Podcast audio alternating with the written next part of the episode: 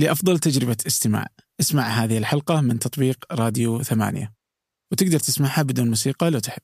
يعني إحنا نستورد كل شيء. يعني وقفت على الفن صار موقف معين في حياة أبوي وبعدين قرر أنه يعيش لوحده هو وأولاده. فكنا نتنقل بأربع خيام أبوي الله يرحمه واثنين من أخواني الكبار المتزوجين والباقي الصغار.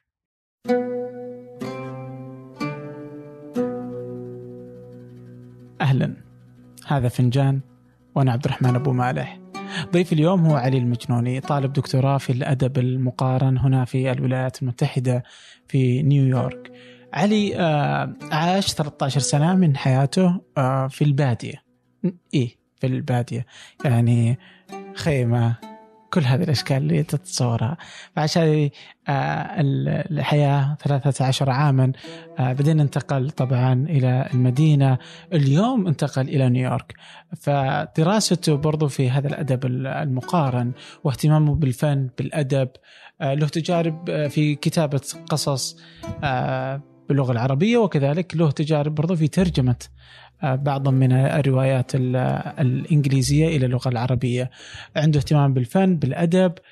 الحديث كان عن هذه الأشياء عن الفن عن الأدب عن الشكل اللي جالس يصير عربيا سعوديا خليجيا وجود النقاد من عدمه المبادرات التي أطلقتها وزارة الثقافة مؤخرا من دار نشر حكومية إلى آه، فكرة ترجمة آه، مدعومة من قبل آه، وزارة الثقافة وخلافه. الحديث حقيقة كان آه، رائع ممتع آه، يعني ستستمتعون بإذن الله حلقة من الحلقات القريبة إلي. قبل أن نبدأ أود منكم مشاركة الحلقة مع من تعتقدوا أنها تهمه هذه الطريقة تساعد إذاعة ثمانية وفنجان بالانتشار والوصول إلى شريحة جديدة. وكذلك أود أن أشكر آه، شريكنا في هذه الحلقة تطبيق المطار اللي ساعدنا في الوصول إلى مدينة نيويورك. أما الآن لنبدأ. أهلا علي. أهلا أهلا وسهلا. إيش رأيك نبدأ على طول حامي حامي؟ يلا. طيب أول شيء آه، أنت أنت عشت 13 سنة في البادية صدق يعني. صحيح. في البادية. آه. واليوم أنت تعيش في أمريكا. اليوم نقدر نقول علي بدوي. آه إيوه ولا آه لأنه إذا نظرت إن البداوة يعني أسلوب حياة أقدر أقول لك أنا لا زلت أفكر بطريقة معينة آه مستقاة من النظام اللي عشت فيه أو نمط الحياة اللي عشت فيه. آه في نفس الوقت لا أنا طبيعي كل إنسان لما ينتقل أي من مكان إلى آخر وبالذات إذا عاش فترة فيه آه يتشرب أفكاره، يتشرب آه طريقة تفكير، تعامله مع الحياة، آه نظرته للكون لنفسه آه تتغير كثير. فهذه الاثنين يعني مزيج. آه، ما في واحد منهم يلغي الثاني بالعكس كل واحد منهم يضيف للثاني. وبالعكس أحيانا كثير تكتشف إنه مثلا آه، لما تبتعد عن مكان علاقتك به تكون أكثر وضوحا. لأنك لما تكون داخل المكان آه، ما تكون عندك صورة كاملة عن المكان. يعني ما عندك المسافة اللي تسمح لك إنك تشوف كثير من الأشياء من منظور مختلف. ف يا فمن هذا الجانب يعني أنا تعلمت عن نفسي كثير وحتى عن نمط الحياة اللي كنت عايشه زمان كثير لما جيت أمريكا. أتوقع إن كذا في مسألة متى الواحد يقول عن نفسه بدوي؟ يعني إذا أخذنا إنه البادية مثلا هو إنه ناس في البادية. أول شيء اشرح لي شلون كنت في البادية صدق؟ اي عشت 13 سنة في البادية أبوي الله يرحمه كان راعي غنم وإبل. ف يعني كان هذا رأس ماله. بس في لحظة من اللحظات قرر إنه لا يعني صارت له مواقف يعني معينة يعني دقيقة يعني خيمة وتتنقلوا من مكان لمكان. بالضبط حسب المطر حسب يعني وين ما يكون ما يكون في عيش بننتقل. يعني تقريبا ما ما نجلس في مكان أكثر من سنة أو موسم فباستمرار نتنقل okay. ولحقت يعني 13 سنة من حياتك عشت المشهد. أي. أي. قبل انتقل المدينة. okay. باقي في ناس إلى اليوم عايشة زي كذا؟ قليل جدا قليل جدا. آه يكادوا يكونوا معدومين. وغالبا كبار في السن فمن هذه الناحية برضو أنا مخضرم شوي يعني عشت جزء من حياتي في الباديه وعشت جزء يعني في المدينة فقدرت ألحق على الاثنين. okay طيب اذا إذا إذا أنت عشت في البادية أو أبوك عاش في البادية نقدر نقول على إنك أنت بدوي. yeah والموضوع أكثر تعقيدا من كذا يعني مثلا أقدر أقول أبوي بدوي آه صرف يعني قح okay لكن صح. لكن أنا آه عندي عندي عشت الاثنين يعني لاني بدوي صرف ولاني ابن مدينة صرف. آه، زي ما قلت لك حتى وأنا بدوي خلال 13 سنة آه، التحقت بالمدرسة وكنا نتردد يوميا. فكنت آه، حتى يعني قد ما عندك أنت منظور تجاه المدينة أيضا لما ترجع وتعرف المدينة أو تعيش في المدينة وتقابل ناس موجودين في المدينة أطفال مثلا من نفس سنك يشوفون أشياء أنت ما تشوفها مثلا أفلام كرتون أو أو يتكلمون عن أندية رياضية أو يتكلمون عن أشياء يعني أنت ما عندك أي اكسس عليها. اي وقت أيوه كذا الكلام. هذا الكلام من 1407 إلين 400 و... إلين 94 تقريبا ميلادي. okay. yeah. قريب. إيه, إيه. طيب ولما تروح أنت تروح لمكة المدرسة إيه. تروح ب... بال... بالايش بالسياره؟ اي رحت ولا بالجمل ولا اي لا رحت بسيارة. آه زي ما أقول لك أبوي الله يرحمه لما كان مؤمن كان فترة من حياته آمن إنه التعليم يعني شيء مهم لأولاده. فهو مزوج آه زوجتين آه فكلف واحد من أخواني من زوجة من زوجة أبوي الأولى إنه خلاص أنت عندك السياره اشترى لنا سيارة وأنت تأخذ الأولاد توديهم المدرسة. آه وهي مصادفة يعني في البداية حتى حتى أول واحد من أخواني يدرس أول شقيق من الاشقاء يدرس بالصدفة واحد قريب لنا يشتغل في مدرسة من مدارس مكة قريبة من الحرم وقال أعطيني ولدك خلينا ندرس ففتح يعني كانت كان هذاك الاقتراح هو اللي فتح الباب على مصراعي لنا ان ندرس. يعني يمكن لو ما صار ذاك الموقف يمكن تأخرنا في الدراسة أو يعني وش ترتيبك في العائله؟ آه بين اخواني الأشقاء أنا الاوسط آه ففي اثنين أخوان أكبر مني اثنين أصغر مني. آه طبعا أخواني اللي من زوجة أبوي الأولى آه كلهم أكبر مني أربعة. في ناس ما لحقوا على التعليم يعني. أيوه أيوه لحقوا بعدين متأخر آه، من ناحية تعليم آه، الأمية المدارس الليلية محو الأمية. محو الأمية. وتخرجوا عادي وصاروا الثانويه يا اشتغلوا آه، ما ما وصلوا للثانوية بس اشتغلوا بعضهم أخذ المتوسط ووقف بعضهم أخذ الابتدائي ووقف بس اشتغلوا في وظائف من وقت مبكر يعني. وبعضهم كان يدرس في الوقت اللي كان يشتغل. لكن إحنا ب... إحنا بدأنا الدراسة أول وهذا هذا الموضوع يعني المضحك إنه إحنا الصغار بدأنا الدراسة أول بعدين إخواني الكبار صاروا يروحون في الليل آه. فيعني حتى شافوها إنه حاجة ولا أبوك آه، أجبرهم ولا إيش اللي خلاهم يدرسون يعني؟ أه ما اتذكر يعني درسوا كم كان أعمارهم؟ ما يعني اتذكر هم كبار في السن كانوا مشتغلين بعضهم كانوا متوظفين واحد من إخواني موجود في العسكرية وواحد يشتغل في في التعليم ف ما أتذكر تحديدا إيش كانت دوافعهم آه، بس متأكد إنه في إيمان حقيقي بأنه التعليم مهم جدا وإنه آه، يعني يفتح النوافذ افق مو موجودة أو يا لأنه أبوي آه، زي ما أقول لك هو صارت له ظروف مع مع القبيلة ومع مع العائلة ف يعني الظروف علمته إنه التعليم لازم يستثمر في أولاده من هذه الجزئية. أوكي. فبالتالي يا فبالتالي ما حب يعيشنا نمط نفس النمط الحياة مع إنه تقريبا عشناه لأنه هو أصلا ما سكن في المدينة ابدا يا ابدا يا. آه. طيب مع, ممكن... مع إن كان عنده بيت في أو بيتين في مكة بس كان مأجرها و... yeah. okay يعني فيعرف يعني مفترض إنه يعرف المدينة أكيد بس إنه يوم أنتم عايشين يعني قد وين تب وين وين وين تتنقلون من وين إلى وين؟ غالبا وين حوالين مكة زي ما أقول لك واحد من الأشياء من من بدأنا الدراسة في مكة آه، صرنا ندور حوالين مكة يعني في بادية الحجاز يعني نروح يمكن شمالا إلى الحناكية قريب من المدينة وجنوبا نروح أحيانا إلى الليث ففي هذه في هذه المنطقة الجغرافية لكن قبلها كان كانوا ما يحدهم يعني كانوا يروحون نجد يروحون الخفجي يروحون أي مكان تقريبا ويكون معكم مثلا آه، خيمة إيه؟ آه، تكونون عوائل كثيرة ولا عائلة لوحدكم جمال ولا خيول؟ أيوه آه، في جمال وهذا هذا الفرق يعني هو الغالب الناس اللي كانوا يتنقلون في ذيك الفترة كانوا غالبا يتنقلون جماعات آه بس زي ما أقول لك صار موقف معين في حياة أبوي وبعدين قرر إنه يعيش لوحده هو وأولاده فكنا نتنقل بأربع خيام أبوي الله يرحمه واثنين من أخواني الكبار المتزوجين والباقي الصغار. أوكي. طيب كيف كيف علاقة ال كيف علاقة الوالد مع مع المدينة مع ال... آه، زي ما أقول لك هو كان يتردد آه، بحكم بعض المصالح أحيانا لكن آه، أكثر أكثر الأشياء اللي أتذكرها طبعا الولد توفى وأنا صغير بس أكثر الأشياء اللي أتذكرها علاقته بالمدرسة. كان مؤمن جدا بالمدرسة وكان يعني واحد من الأشياء اللي كان سواها أتذكر أخذ شجرة بشام اللي طلعوا منها المساويك وزرعها في في المدرسة. وكان واستضاف مدرسينا في المدرسة الابتدائية استضافهم كلهم أكثر من مرة وكان علاقته كويسة معهم. يعني ما كانت ما كانت علاقة يعني أقول لك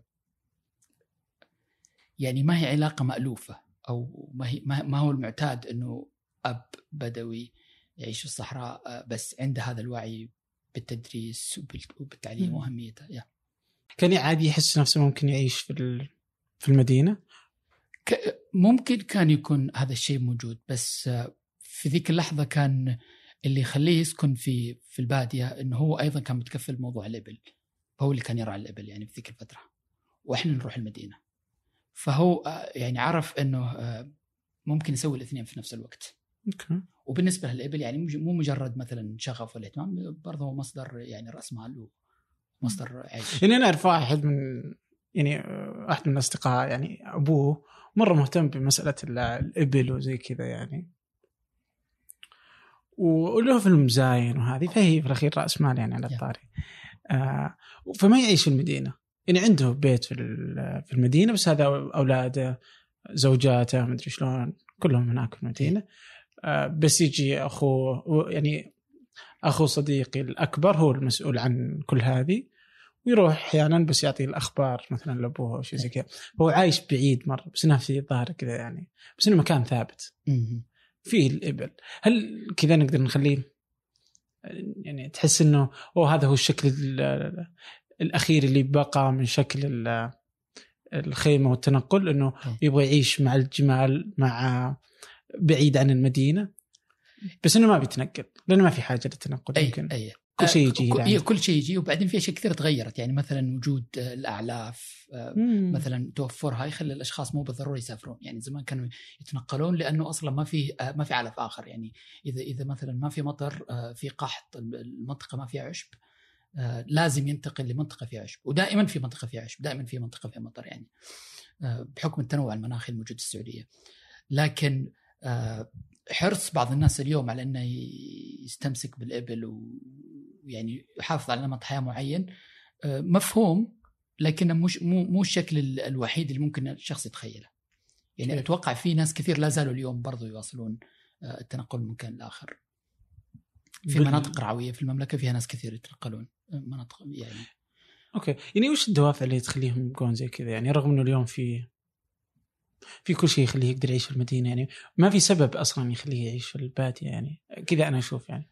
ممكن ممكن لها علاقة بالكفاءة يعني آه، أقصد الكفاءة من ناحية الأعمال. آه، مو كل واحد يقدر يشتغل في المدينة. أنت تشتغل في المدينة الآن في ظروف معينة لازم يعني لازم في شروط لازم تستوفيها التعليم مثلا واحد منها فكثير من الناس هذول مو متعلمين.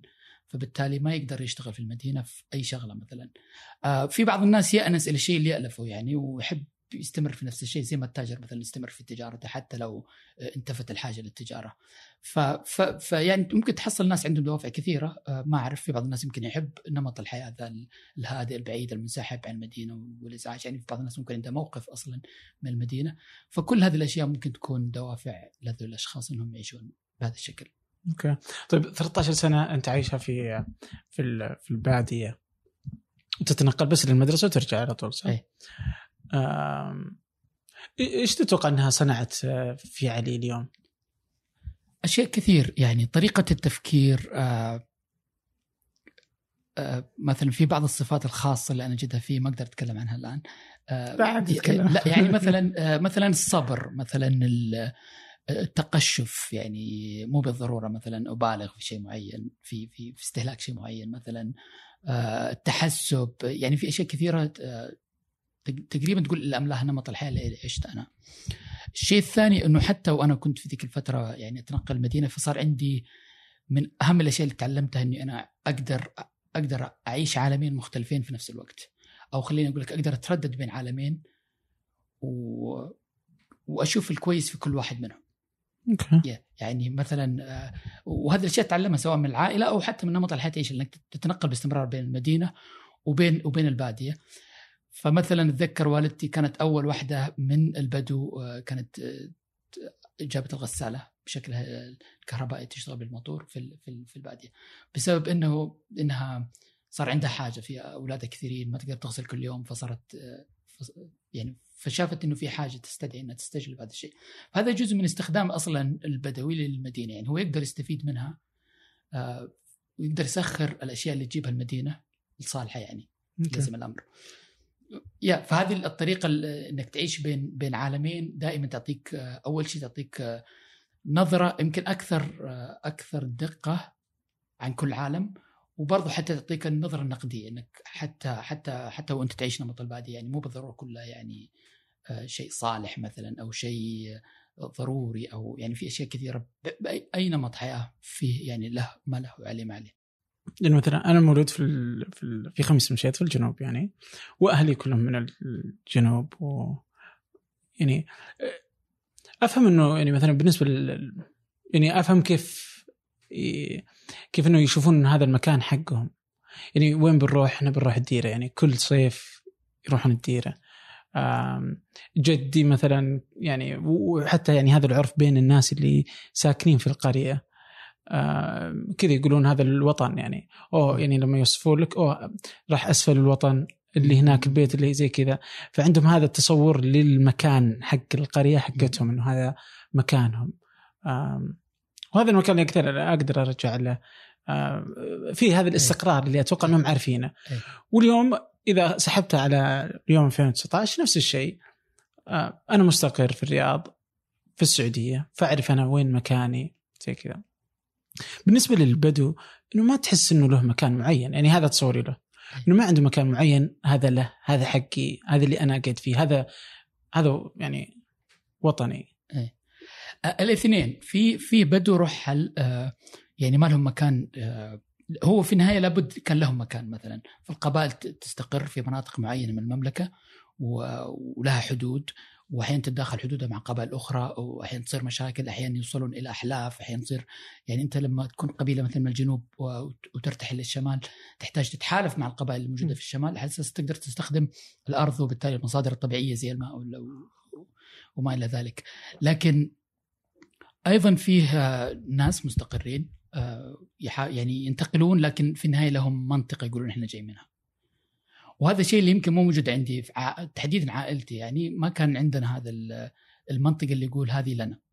وهذا الشيء من الأشياء اللي قبل شوي سألتني إيش الأشياء اللي تأثر فيك يعني مثلا من الأشياء اللي أنا اللي أشوفها اليوم آه، واحدة من نتائج آه، إني عشت هذا النمط من الحياة إني مثلا ما أشعر كثير بال أو نادرا ما أشعر مثلا بالحنين لمكان معين. فعلاقتي بالمكان دائما علاقة آه، وقتية أو أو خليني أقول لك أقدر أشيل المكان معي يعني في وين ما أروح أنا أخذ مكاني معي. فهذا يا هذا الشيء تقريبا آه، السبب الرئيسي فيه إني عشت هذا النمط من الحياة.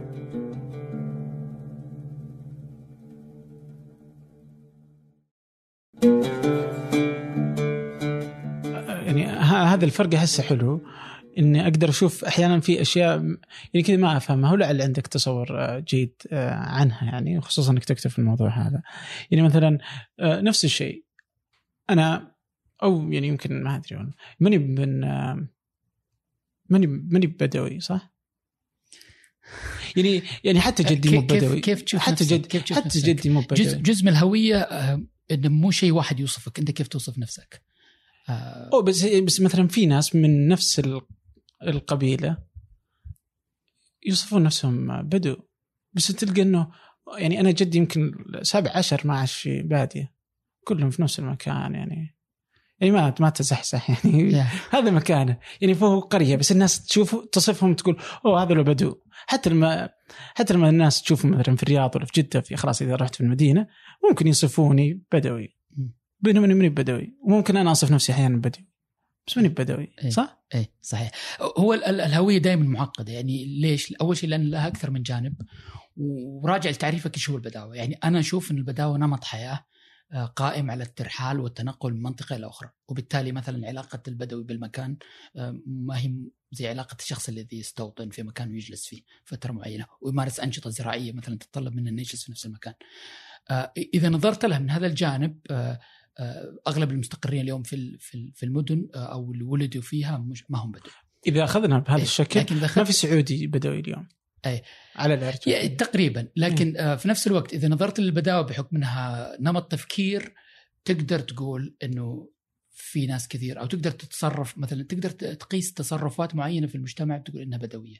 وهذا ليس انتقاص ولكن وصف. اشرح لي آه. ما فهمت؟ يعني مثلا آه من مثلا العصبة القبلية مثلا هذه واحدة من الأشياء اللي هي بالضرورة آه ما أقدر أقول بالضرورة قبلية بس آه موجودة في القبيلة مثلا أكثر من موجودة في النظام الجديد اليوم اللي هو مثلا النظام المدني. انه إنه ولائك مو بالضرورة يكون آه لشيخ القبيلة الآن ولائك مثلا لمديرك في العمل ولائك لاهلك يمكن خاصتك الأقارب آه الدولة النادي اللي تشجعه مثلا. ففي ففي علاقات مختلفة. بينما عند عند البدو مثلا في مثلا ولا غالبا غالبا للعصبة القبيلة أو الفخذ اللي اللي ينحدر منه نفس الشخص. فهذا السلوك تقدر تسميه مثلا قبلي أو حتى بدوي لأنه لأن القبيلة والبداوة تتقاطع في مناطق كثيرة. وواحده منهم مستمرة لليوم القبيلة لأنها لانها مو نمط حياة قد ما هي شيء متعلق بالسلالة وبال وبالجينات وبال... وبالعرق وبالاثنيه وبالأشياء هذه. بس مو كل قبلي بدوي. لا مم. لا لا أنا وكل القبائل عندهم هذه العصبية. إيه طيب ما تحس إنها كذا تلخبطت؟ آه ممكن بس آه في نفس الوقت العصبية موجودة في كل مكان. يعني حتى موجودة حتى الآن مثلا لو نتكلم عن أمريكا مثلا في ناس متعصبين لأندية معينة ناس متعصبين لفكر معين بس حتى نمط الحياة الاجتماعي يختلف. أنا لما أتكلم عن العصبية أقصد إنه حتى طريقة كيف كيف تعيش مع الناس اللي حواليك كيف علاقتك تتشكل مع هذول الأشخاص في نمط معين تقدر تقول هذا قائم على الحماية، يعني حمايتك لشخص آخر لجارك أحيانا ما هي بالضرورة تكون مدفوعة لأنه فقط جارك، لا لأنه أنت لازم تحمي جارك لأنه في يوم آخر لازم أنت تحتاج حمايته. وبالتالي وبالتالي في كثير أتذكر كنت أتكلم مع بعض الشباب عن عن, عن الجاري لأن الشرطة بتحميه يعني أي أي أيوه. يا بالضبط. ففي تصور آخر. يعني في ظروف أخرى تخلي تخلي يعني تخلي تخلي العلاقات الإنسانية بشكل أو بآخر. أوكي. أتذكر كنت أتكلم مع واحد من الشباب عن عن الكرم والهياط يعني يقول ليش ظهر الهياط يعني باعتباره ظاهره في المجتمع. حلو. فتصوري البسيط إنه إنه إنه الناس اللي اللي اللي ممكن توصفهم بهذا الوصف ما كانوا مدركين إلى إنه مثلا الكرم يمكن الكرم مو بالضرورة يكون خصله موجودة في العرب يمكن يمكن إحنا نحاول نتصور إنه العرب إحنا يعني الشخص اللي يقول بالضرورة الكرم خصله عربيه يمكن مو صحيح. يمكن النظام اللي كنا عايشينه مثلا أو النظام القديم كان يتطلب إنه الشخص يكون كريم. لأنه لما يجيك ضيف في منطقة مثلا مثلا أنت في الصحراء يجيك ضيف أنت لازم تكرمه لأنه لو ما أكلته مثلا ما راح يحصل مطعم. فبالتالي فبالتالي ضروري إنه يجد الطعام. وفي نفس الشيء ضروري إنه يجد المسكن. فهذه الحاجة الاجتماعية ولدت هذا السلوك اللي هو الكرم. بينما الآن الكرم ممكن يأخذ أشكال أخرى. أنا ما بقول الناس تتخلى عن الكرم لا الكرم ممكن يأخذ أشكال أخرى. ممكن يأخذ أشكال هدايا ممكن يأخذ يكون كرم عاطفي وجداني آآ آآ فبالتالي تغيرت المفاهيم. الناس المصرين على انه إنه الإنسان البدوي أو الإنسان القبلي أو الإنسان العربي بالضرورة أصيل عفوا بالضرورة كريم هذه تصير عندهم مشكلة. فيصير لذلك لأنه ما يشوف إلا النموذج القديم. إنك تمسك الشخص وغصبا عنه غالبا تأخذ وقته تجلس معاه فترة معينة تقدم له نوع معين من الطعام بطريقة معينة أحيانا حتى في طقس معين. فهذا الحرص هو يبدو لي نابع من عدم فهم إنه الكرم كان أصلا حاجة اجتماعية. تطلبت من هذول الأشخاص إنهم يكونوا كرماء. لازم تكون كريم والا ولا أنت راح تتضرر يوم من الأيام من عدم كرمك. مم. لأنك أنت يا في فيها الموضوع فيه فيه يعني فيه جزاء. يعني أنت تتصرف بطريقة معينة عشان تتوقع هذا التصرف لو احتجته. فلما يجيك شخص مثلا ضيف لازم تقدم له المطعم لازم تقدم له المسكن لأنه أنت في يوم من الأيام راح تكون في نفس مكان هذا الضيف تحتاج نفس هذه الأشياء. ليش ليش ليش وصلنا إلى هذا الشكل؟ يعني أفهم إنه لعل الكرم ميزة حلوة خصلة حلوة إنها تكون في أي مجتمع صحيح. صحيح. بس إنه أتوقع ان امتعاضك هو هو شكل الكرم اللي جالس يصير إنه مثلا في في ذبيحة ما ولا في يعني كذا يعني مو أيوة، بالضرورة أيوة. بس إيش خلى إنه يطلع بذا الشكل يعني يصير بشكل مو بالضرورة مهم يعني لأنه الأكل اليوم في كل الناس موجوده فما تغير إلى إنه يصبح الكرم اللي فعلا أنت تحتاجه، أنا ما أدري إيش تحتاج عليه اليوم، بس أقدر أكرمك بشيء أنت فعلا تحتاجه. إيه. بس إني إيش اللي بروح أسوي؟ بروح أعطيك مثلا ذبيحة إيه. وأنت يمكن ما تبغى تأكل حتى أصلا. اي اي وحتى تك- ما هذا ما هذه هي الجزئية انك إنك أنت تفهم الكرم باعتباره آه، شيء أنت لازم تسويه ليش ما فهمنا بغض النظر عن. الآخر بغض النظر عن اعتبار الآخر لكن في يعني الكرم سابقا زي ما اتصور أنا أنت تكرم الضيف لأنه أصلا يحتاج هو في حاجة لهذا الشيء هو يحتاج هذا الشيء أصلا. فأنت لازم تسوي هذا الشيء. يعني في عندك مبدأ أخلاقي إنه أنا لازم أكرم هذا الشخص وأوفر له المسكن لأنه يحتاج هذا الشيء. مستحيل أتركه في العراء مستحيل أتركه مثلا جعان فترة من فترات. ف هذه الحاجة أو فهمك لحاجة الآخر هي لازم هي اللي هي اللي الآن مش موجودة. وليه موجود؟ يعني هذه وين المشكلة تشوفها؟ أنا أتصور إنه آه، فهم الناس الخاطئ لأنفسهم، فهم الناس الخاطئ آه، يعني ممكن ممكن تغير المجتمع من نمط حياة معين إلى آخر في غضون سنوات، يعني يعني المجتمع السعودي ال- السنوات هذه ما هي ما هي بالضروره سنوات كثيرة يعني تغير مجتمع مثلا تقليدي محافظ آه، في أغلب يعني نشاطه إلى مجتمع بالضرورة متمدن ومتوفر له كل. الأدوات ونمط الحياة المدنية الجديدة. فاللي يصير في التنقل من نمط حياة إلى آخر غالبا ما تصير هذه المشاكل يعني آه إنه الناس آه تبدأ ما تعرف هي أصلا إيش هي ما تعرف هوي الشخص ما يعرف هويته وكذلك حتى الجماعة أحيانا ما تعرف آه لأن تصير هويتك على المحك لأنك أنت ما تعرف إيش كنت لأنه الإنسان دائما يضطر إنه ياخذ هويته يعني مسلمة من المسلمات. أنا كذا أنا كذا. لكن لما تروح في مكان آخر تبدأ تكتشف إنه مو بالضرورة أنت كذا. وانما وإنما تخيل نفسك أو يتهيأ لك إنك أنت كذا. فيبدو لي إنه هذا التنقل آه، أو هذا الانتقال عفوا من نمط حياة إلى آخر آه، دائما ما يفرز مشاكل من هذا النوع. اليوم حتى يعني كذا وأنت جالس تتكلم جالس أطالع اللي أحيانا مثلا كذا اللي تلقى إن السعوديين ما يفهمون فعلا وش هويتهم بالدرجة الأولى يعني.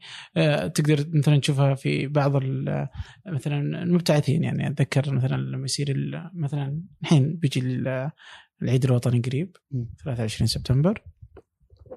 وتجد إنه كل الجامعات في أمريكا كل الطلاب يروحون يجيبون الخيمة ولا يحطون ما أدري شو. جمل يمكن آه، ممكن. آه، يعني أشياء سيف آه، بعض الأشياء اللي ما ما نسويها أصلا. مو باحنا إيه. فعلا ما يبي عندنا يعني. طيب وإحنا من إحنا؟ يعني وش الأشياء اللي تمثل؟ يعني إذا جي okay صح إنه هذه مو باحنا هذا تراثنا. okay. شكل من أشكال حتى تراثنا. بس إنه ما ما نسويه اليوم. ما يعبر عننا. طيب وش من إحنا. والله شوف هو المفروض كل مجتمع آه، يقدر يقدر يشكل هويته بنفسه. يعني آه، وه- أصلا به- بهذه الطريقة أصلا الهوية تتشكل. يعني هي مجموعة ظروف آه، آه، تصير لمجتمع معين يتعاطى مع هذه الظروف بشكل وبالتالي طريقة تعاطيه مع الظروف تشكل هويته، يعني مثلا الآن بنتكلم عن المجتمع السعودي وقبل شوي كنا نتكلم عن الانتقال. من نمط حياة إلى آخر، كيف إحنا استجبنا للنمط الحديث أو الحداثه اللي مم. جت. فاستجابتنا هذه مو بالضرورة تكون سلسة، يعني فيه فيه فيه مناطق كثيرة صار فيها شد وجذب. لأنه بالضرورة هي تصارع بين أفكار يعني هو مو فقط نمط حياة، نمط حياة يجي كامل آه، مع مجموعة من الأفكار، فالأفكار هذه غالبا تكون دخيلة مثلا أو تكون غريبة آه، تقبل الناس لهذه الأفكار وت- وتحاورهم معها وتلقيهم لها ينعكس بالضرورة على على هويتهم أو على على كيف هم يتصورون أنفسهم.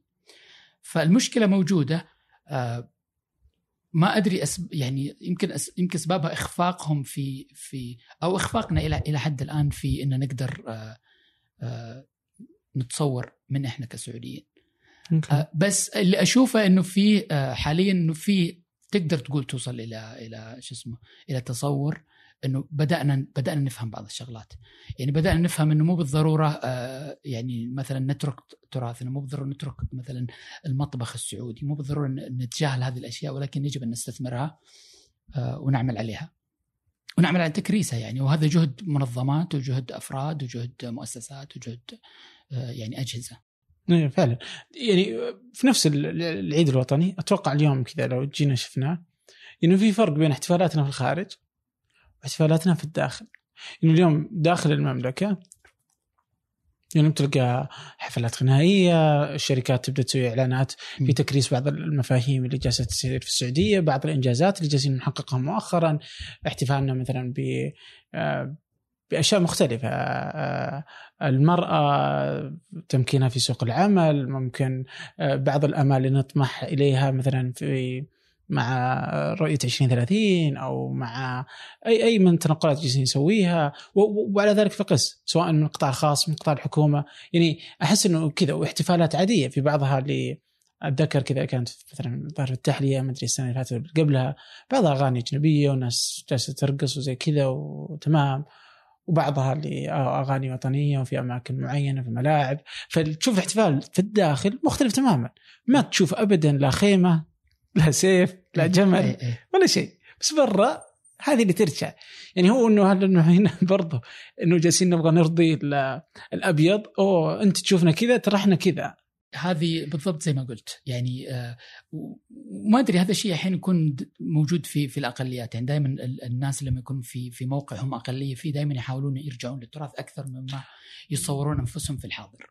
آه، وهذا نابع من من شعورهم إن هويتهم في خطر. لأنك لما تكون داخل المجتمع السعودي أنت ما تحتاج لهويتك. يعني ما تفكر فيها بشكل واعي على على مثلا على مدار مدار اليوم مثلا أو مدار آه، حياتك. لكن لما تكون هنا أنت أنت بالضرورة واعي إنك سعودي. وبالذات بالذات المجتمع الأمريكي يعني مثلا في كونه ما يتقبلك إلا في هذا السياق. فيذكرونك دائما أو مجرد ما يشوف شكلك يسألك أنت من وين أو آه، يسألك آه، يعني أحيانا يسالك عن معتقدك أو أو يفترض ان معتقدك معين فقط لأنك جاي من السعودية. آه، فبالتالي أنت تشوف يعني وهذه وهذه القوة اللي تمارسها أصلا النظره هذه تجاه الآخر واللي تخلي الشخص الآخر دائما يسعى للاعتراف. وهذه في حد ذاتها مشكلة يعني الاعتراف نفسه بنية آه، يعني فيها ظلم. إنه في شخص يمنح الاعتراف وفي شخص يبحث عن الاعتراف. وهذا الاعتراف لن يحصل ابدا. كيف ما فهمت؟ يعني لن يحصل اعتراف اعتراف الغرب لك آه، لن يحصل ابدا آه، حتى وإن سويت نفس الأشياء اللي هم يتوخونها فيك. ف لأن ل- ليش؟ لأنه لأنه في اللحظة اللي أنت تشتغل على على على على الاستجابة لنفس الصورة هذه أنت تكرس تكرسها هي أيضا. وحتى لو ترد عليها يعني برضو مجرد إنك ترد على شيء معين ترد على صورة معينة أو تحسن صورة هذا في حد ذاته تكريس لنفس البنية اللي هي بنية آه، شخص يعترف ويصدر قوى ويمنح قوى ويمنع ويعطي ويأخذ وشخص آخر أو طرف آخر في المعادلة دائما عنده توق إلى إنه يحصل على الرضا، يحصل على الاعتراف، آه، يحصل على المباركة أو أو, أو القبول. بس يعني أقدر أشوف يعني مثلا إذا جينا نبغى ناخذها على بعض ال- اللي جالس تصير مثلا بالنسبة للسعودية والخارج. فالسعودية كانت دولة مغلقة منغلقة على ذاتها. ما تبغى ي- يجينا ما نبغى نعلم أحد عننا بكيفنا يعني. فاهم؟ كذا دولة ما حد يدري وش okay؟ إلى حد كبير. بعدين يجونك هذه التصورات البسيطة. بعدين جاء الآن اللي الانفتاح ثقافي لم يسبق له مثيل. يبون في هذا التبادل الثقافي أبغى اعرف وش أنا جالس أسوي أبغى اعرف. ففي هذا الهم أني أبغى أوريك من أنا. يمكن مو بالضرورة عشان تعترف فيني ولا هو يعني ابغاك أنا- أنا أبغى, أبغى يصير بيننا هذا يعني التبادل الثقافي أبغاك. تفهمني أبغى. أفهمك. أتوقع إني فاهمك بس أبغاك تفهمني تعرف من أنا على حقيقتي يمكن أغلب الجهود أنا أشوفها يعني في اتجاه كويس هو مشكلتها الوحيدة إنك إنك ما تسعى دائما للاعتراف آه، ولا تسعى لتصحيح صورة مغلوطة. لأنه لأنه أصلا الصورة دائما يعني ليش أنا لما أقول صورة. الصورة هي ليست الأصل. يعني الصورة ليست الأصل. فالصورة بالض... فبالضرورة بين الصورة والأصل مجموعة علاقات. آه، واللي يصير فإذا أحد رسمك بصورة أنت بالضرورة ما انت ما أنت هذه الصورة. ف فعلى أساس تحسن شيء ما هو أنت أصلا. فاهم علي؟ آه يعني انت ابى أبين لك الصورة الصدقية أي. هذا أي- فكرة التحسين خليني أقول أتوقع. ابيك أنا مو مو الصورة الصدقية يعني خلينا نبتعد من فكرة الصورة أصلا طيب لأن حلو. الصورة هي يعني الصورة تمثيل أنا أحط عبد الرحمن في سياق معين وأقول أنت هذا عبد الرحمن لو رديت علي أنت في النهاية تكرس نفس تكرس نفس القوة اللي أنا جالس أمارسها طيب إيش المفترض أسوي؟ المفترض إنك تشتغل آه، على نفسك بدون ما بدون ما يكون آه، بدون ما يكون عندك هم إنك تحصل على الاعتراف أو القبول. ليش هذا شيء مهم؟ لأنه لأنه يفرق في سلوكك.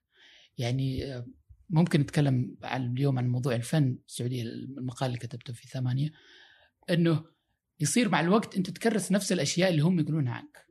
يعني يعني مثلا في موضوع السعودية مثلا آه، مثلا السنة والشيعة مثلا المحافظة الدينية مثلا موضوع المرأة هذه هذه ثيمات يحق للفنان يتطرقها بس يتطرق لها لكن أيضا يحق للفنان إنه ما يتطرق لها.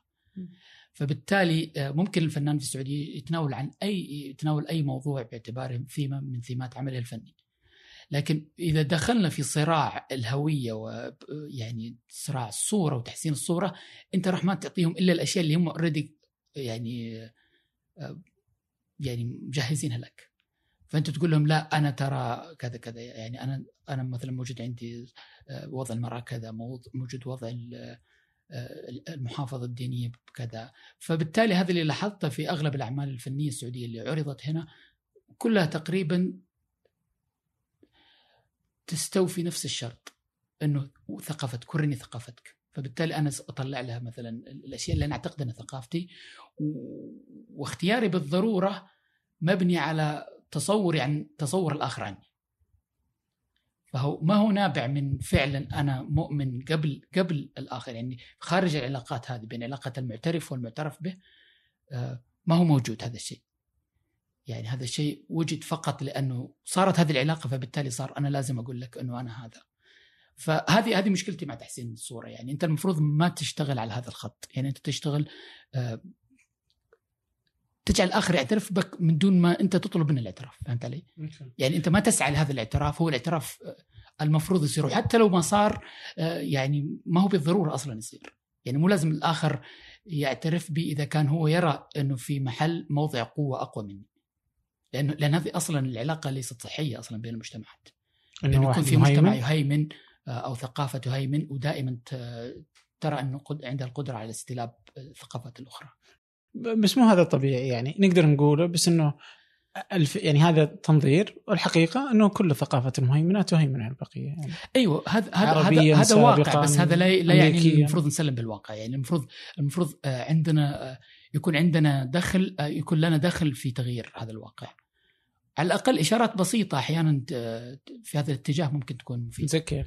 زي ما قلت مثل قبل شوي إنه ما بالضرورة نعرض هنا في الغرب كل ما يتعلق بال يعني ممكن نعرض أعمال سعودية تتكلم مثلا عن الوجود الانساني بشكل عام الموضوعات الإنسانية المشتركة مم. فهذه نادرا ما تجدها في الأعمال السعودية المعروضة هنا عادة يعني مراه و... يا- يا. أوكي. يعني تقريبا هذه المواضيع البسيطة ال- ال- المحصورة في أحد طيب جيد سوى شيء مثلا فنيا تحس إنه خرج عن المألوف وخرج عن قبول الآخر و... وطلع برا ممكن آه، أنا حتى خليجيا يعني. ما أبغاها سعوديا بالضرورة حتى. في في أعمال كثيرة تكلمت عن آه، عن مواضيع أخرى. وحتى أنت لما تتكلم عن مواضيع مو بالضرورة إنه يعني إنه ما أتكلم مثلا عن موضوع المرأة أو أو ما أتكلم عن موضوع مثلا المحافظة في المجتمع السعودي. لا هذه مو- مواضيع موجودة وواقع نعيشه إحنا. اللي يفرق إنه طريقة التناول واللي يفرق إنه حصر الأعمال الفنية المعروضة في الخارج في هذه الموضوع الثيمات. فهنا أنت تكون وقعت فخ أصلا للاعتراف.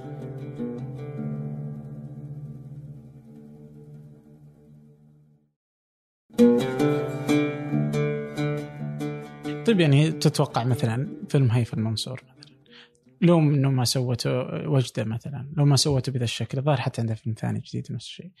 لو ما سوته كم ما حد عرفه ولا عرض في بعض السينما ال- الأمريكية صح؟ صحيح. لو إنه سوت فيلم عادي. لأن صح؟ صحيح. بس تستغل هذه النقطة يعني أتوقع يمكن برضه الفنانين يبغى يستغل هذه النقطة إني أدري إني إذا رحت دندنت هنا إني وهذا موجود هو فعلا هذا الشيء موجود للأسف وهذا موجود مو بس فقط عندنا يعني في دائما فيه فيه آه، في سوق آه، وفيه آه، وفيه أشياء تبيع في هذا السوق.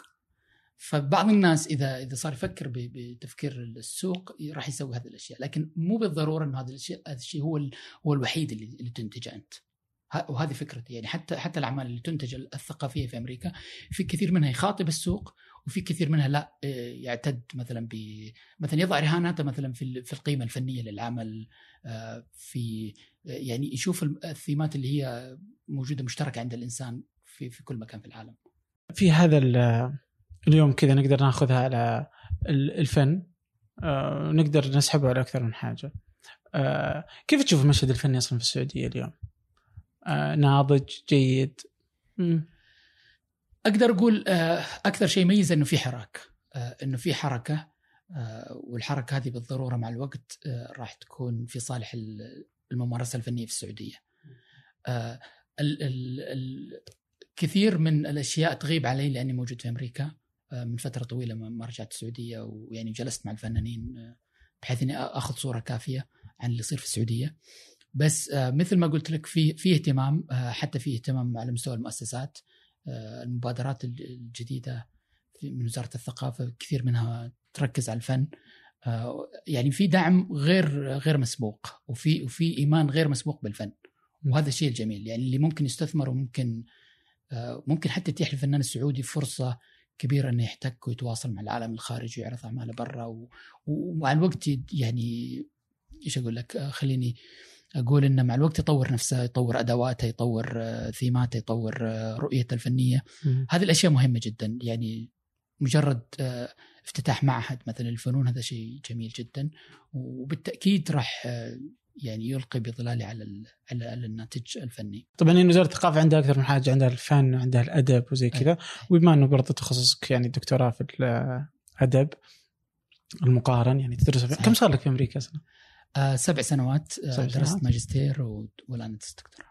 أوكي طيب آه، فعندها أكثر من حاجة أتذكر يعني على طاري الأدب يعني بما أنه برضو يعني شيء من الأشياء اللي أنت مهتم فيه آه، ظهر إن شاء الله غلطان سعد البازعي يمكن إيه. اللي كان يقول إنه آه، إنه على الدولة أنها تدعم الأدب ال- الجاد والجاد أتوقع اللي هو الفصيح ولا الأدب ال- يعني مو بالشعبي ما أتذكر آه، إيش قال والله تحديدا لكن آه، عموما هذه هي النظرة المسيطرة مثلا على في الوزارة. يعني كثير الأندية الأدبية تقريبا أنا اشتغلت في في النادي الأدبي في مكة وفي في فجوة كبيرة بين الأدب آه، الجاد زي ما تقول آه، وال- والأدب الشعبي مثلا. آه، حتى أصلا تسميته اي, أي يعني طبعا طبعا طبعا. التسمية فيها أصلا في حد ذاتها مشكلة. فعلاً. لكن لكن خلينا نقول بس كذا يسمونه ولا آه، هو تقدر تسميها الثقافة العليا والثقافة الدنيا.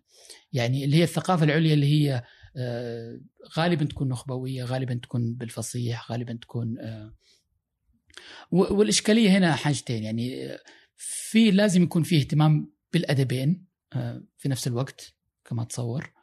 آه، لأنه بالضرورة آه، الأدب الشعبي مثلا بالضرورة ي- يناسب كثير من الناس ويفهمون آه، اللي ينقال يفهمون يفهمون هذه اللهجة يفهمون هذه الاستعارات يفهمون الصور يفهمون التراكيب يفهمون الأدوات الموجودة وبالتالي يتذوقونها جماليا وما يختلفون عن أي شخص آخر مثلا يرى انه الثقافة يجب أن تكون نخبوية لأنه عنده مجموعة من المعايير الجمالية بناء عليها يصدر حكامه.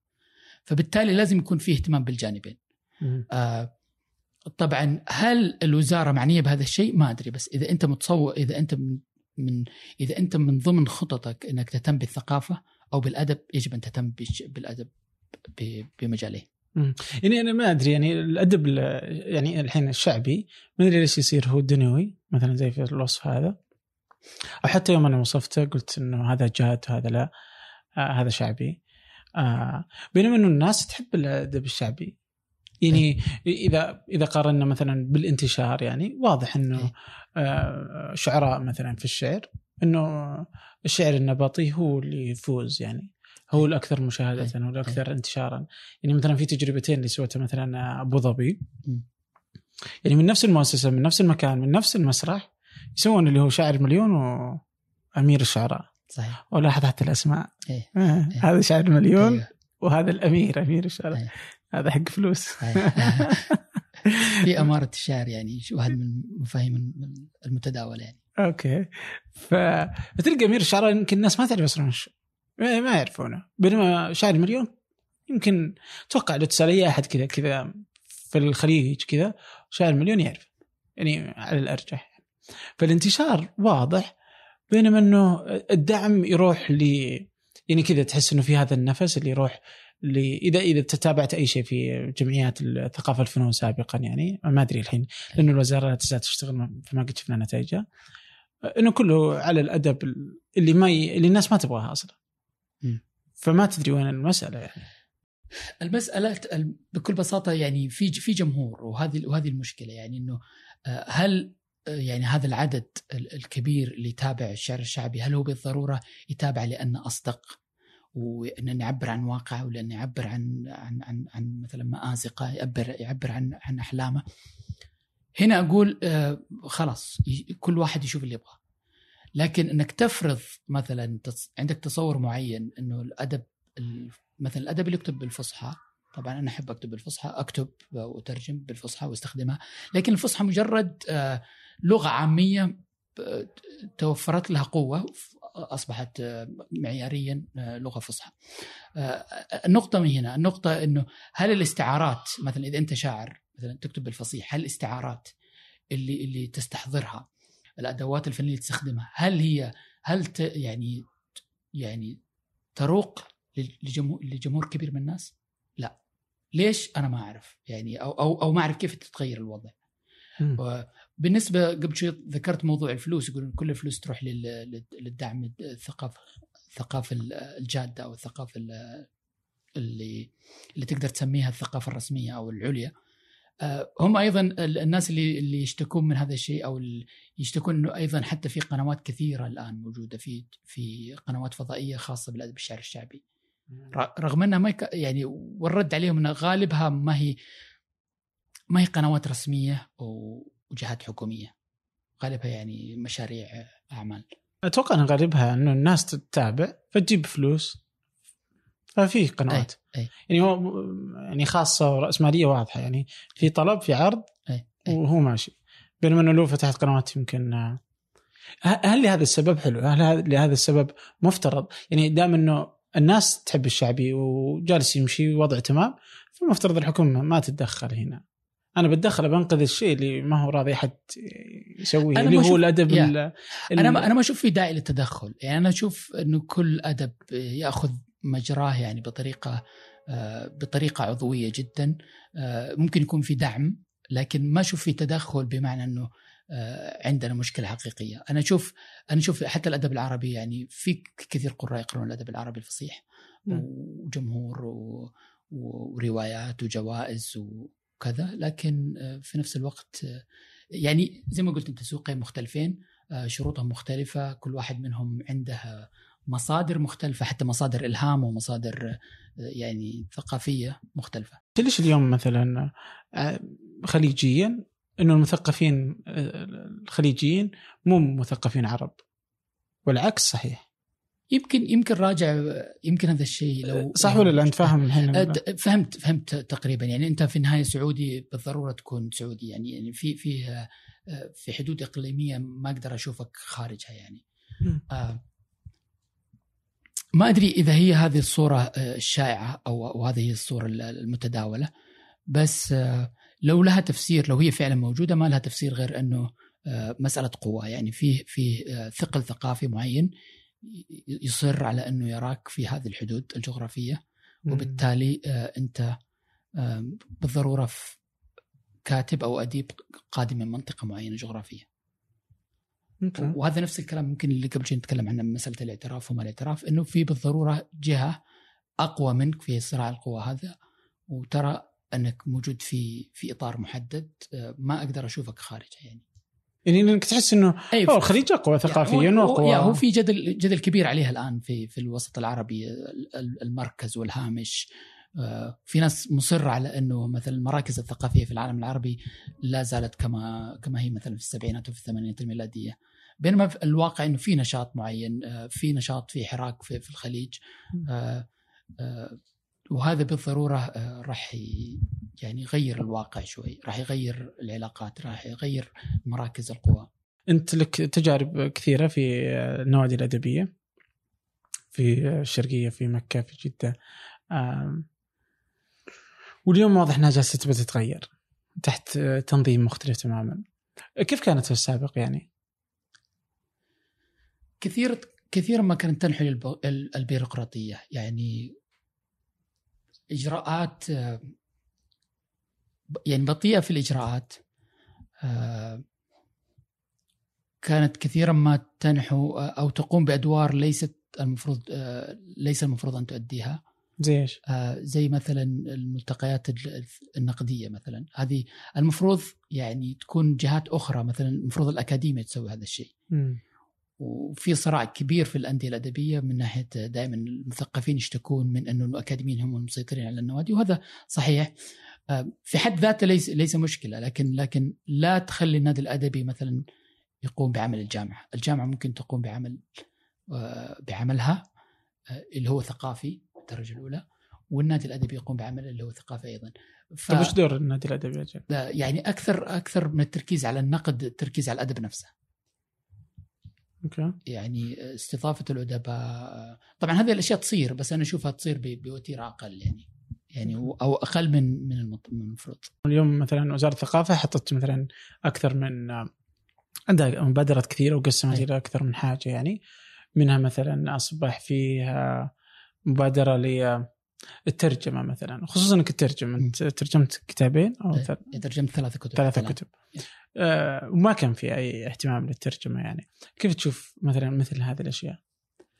آه هذه الأشياء جميلة آه ودعم يعني كنت أسأل دائما يعني إيش تحتاج آه، كم يعني إيش الشيء اللي كان ناقصك أنت كمترجم؟ آه، الشيء الوحيد اللي ناقص آه، تقريبا الاهتمام آه، من ناحيه من ناحية الدعم آه، توفير مثلا منح، توفير آه، جوائز، توفير أشياء من هذا القبيل وأيضا آه، آه، توجيه، طبعا تعرف الترجمة هي نشاط ممكن يكون نشاط مؤسسي وممكن يكون نشاط فردي، في ناس كثير ما يتصورونه إلا نشاط مؤسسي. فيقول لك بالضرورة هذه الأنشطة الفردية بالضرورة آه، آه، راح تضيع سدى مثلا أو ما راح تؤدي تجيب نتيجة. لا الواقع يختلف. الواقع إنه المبادرات الفردية لها دور كبير مهم جدا والمثقف يجب أن ينطلق من هذه من من من الحس الداخلي إنه لازم يسوي شيء. وهذا هذا شيء موجود أصيل فيه يعني سواء كان مترجم أو كاتب. فهو في الكاتب مو بالضرورة ينتظر أحد حتى مثلا يقول يملي عليه فكرة معينة آه، مثلا أو يلهمه بفكرة معينة. يجي الجانب المؤسسة في إيش؟ في تنظيم في التشجيع في إزالة القيود قدر الممكن يعني واحد من الأشياء اللي المفروض المفروض نعمل عليها إنه آه، تخفيف الرقابة على الكتب، تخفيف الرقابة على على الإبداع، على المخيله الإبداعية. آه، هذه الأشياء لو توفرت أكيد بتكون دافع كبير لل- للنشاط الثقافي في المنطقة. بس يعني مثلا الترجمة يعني إذا أخذنا أفضل تجربة يعني يمكن عربيا إنها حتى يعني من أبرز التجارب اللي في التاريخ اللي هي آه، في الدولة الم- ال- شو اسمه دار الحكمة. أي. فكان إنه بفعل دولة بإرادة دولة أنتج إنتاج ضخم جدا. فمهم تدخل أكيد، الحكومات في أكيد الموضوع ده. أكيد. آه، طبعا أنا مو بس يعني فتح الحريه أفهم إنه آه، إنه الحرية تكون بشكل جيد إنه آه، أعطني هذه المساحة. يبقى برضو إنه دعمهم مو- أكيد أكيد. في اشياء كثيرة ما تقدر تسويها غير المؤسسة أصلا. لأنه الفرد مثلا آه، يقدر يأخذ كتاب وترجمة مثلا ويتع- ويتعامل مع دار نشر وكذا ويتابع الترجمه لكن آه، لما تيجي على مستوى الخطط والاستراتيجيات هذا هذا شغل المؤسسات. يعني. مثلا آه، في كثير في اليوم في العالم العربي في الترجمة يشتكون إنه في كثير من الحقول الإنسانية أو الحقول المعرفيه مثلا ما ترجم فيها كفاية. أو إن الترجمة مثلا الأدبية تطغى على ترجمة باقي العلوم آه، وهذا الشيء إن وجد فعلا فمشكلته آه، غياب التخطيط الاستراتيجي من قبل المؤسسات لأن هي اللي ممكن ترسم هذه الاستراتيجيات وتضمن إنها تتحقق على أرض الواقع. بينما آه، هذا شغل زي ما أقول لك وهذا الشيء لا يعني يتق... المفروض إنه يرفض دور ال- ال- المترجم الفرد. إيش الأهم؟ الترجمة من العربية إلى لغات آه، إلى الانجليزيه لنفرض أو اللغات حتى الأخرى ولا الترجمه من الانجليزيه إلى العربية؟ الاثنين آه، كل واحد منه آه، من من من هذه الاتجاهين يعني سواء ترجمت من العربية أو إليها كل واحد له له شروط أو, أو خليني أقول لك له له له له دواعي. يعني كثير كثير يعني الأديب لما يكتب الكتاب مع... مثلا يكتب كتاب معين عنده رغبة دائما إنه يوصل لجمهور يتعدى حدود اللغة وحدود الدولة أو حتى حدود المنطقة الجغرافية. فبالتالي الترجمة هنا تحقق هذه الرغبة. الشيء الآخر متعلق بالترجمة إلى أو عفوا من لغات أخرى إلى العربية تحكمها أشياء كثيرة يعني أحيانا في في في أسباب فردية شخصية جدا شخص يعجبه عمل ويترجم له ويترجمه وشخص آخر مثلا ينظر إلى إنه فعلا إحنا نحتاج في الأدب العربي مثلا آه، تجربة إنسانية معينة وممكن ننقلها من خلال ترجمة هذا الكتاب أو ذاك. آه، في أحيانا آه، أسباب أخرى كثيرة يعني لكن لكن اتجاهين مختلفين وكل واحد له أسبابه المختلفة. أحس إنه مثلا من الإنجليزية إلى العربية إنه مهم جدا. يعني خصوصا إنه كل المعرفة اليوم جالسة تنشر يعني باللغة الإنجليزية فترجمتها مرة مهمة. آه لأنه يعني كذا أحيانا يحزنني جدا لما كذا تلقى إنه آه تأخذ معلومة وتجد إنه أنت ما عرفتها إلا لأجل إنك تتكلم إنجليزي. صحيح. فما ذنب اللي يتكلم عربي. يعني هل أصبحت إنك بس تتكلم عربي صار أي. أي.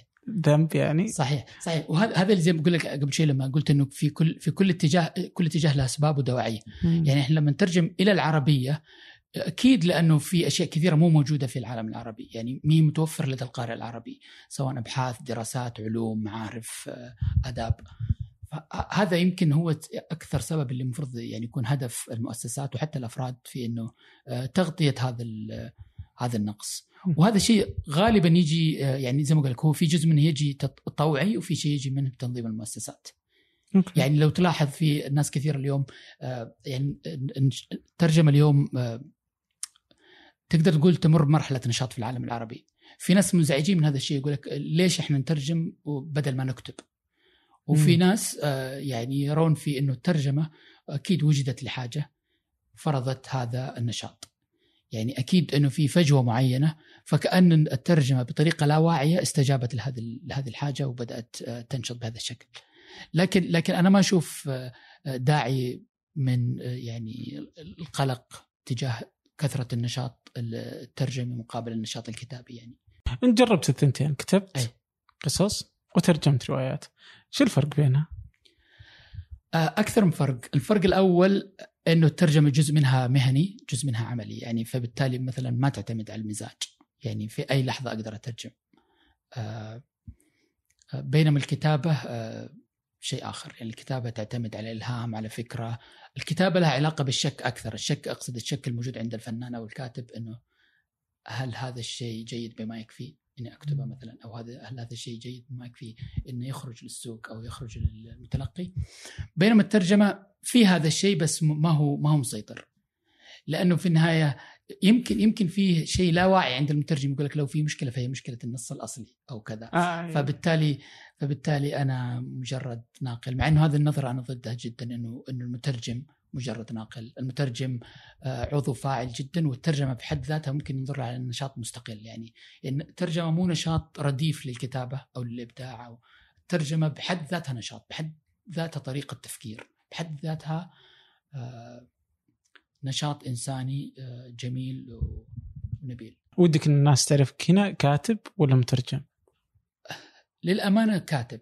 آه. اي بس زي ما أقول لك الكتابة تتطلب أشياء كثيرة ما تتطلب الترجمة. مثلا تتطلب التفرغ آه، خصوصا إذا تكتب يعني مثلا روايات يعني تتطلب منك وقت طويل حتى تعيش عوالم معينة حتى تخلق شخصيات معينة.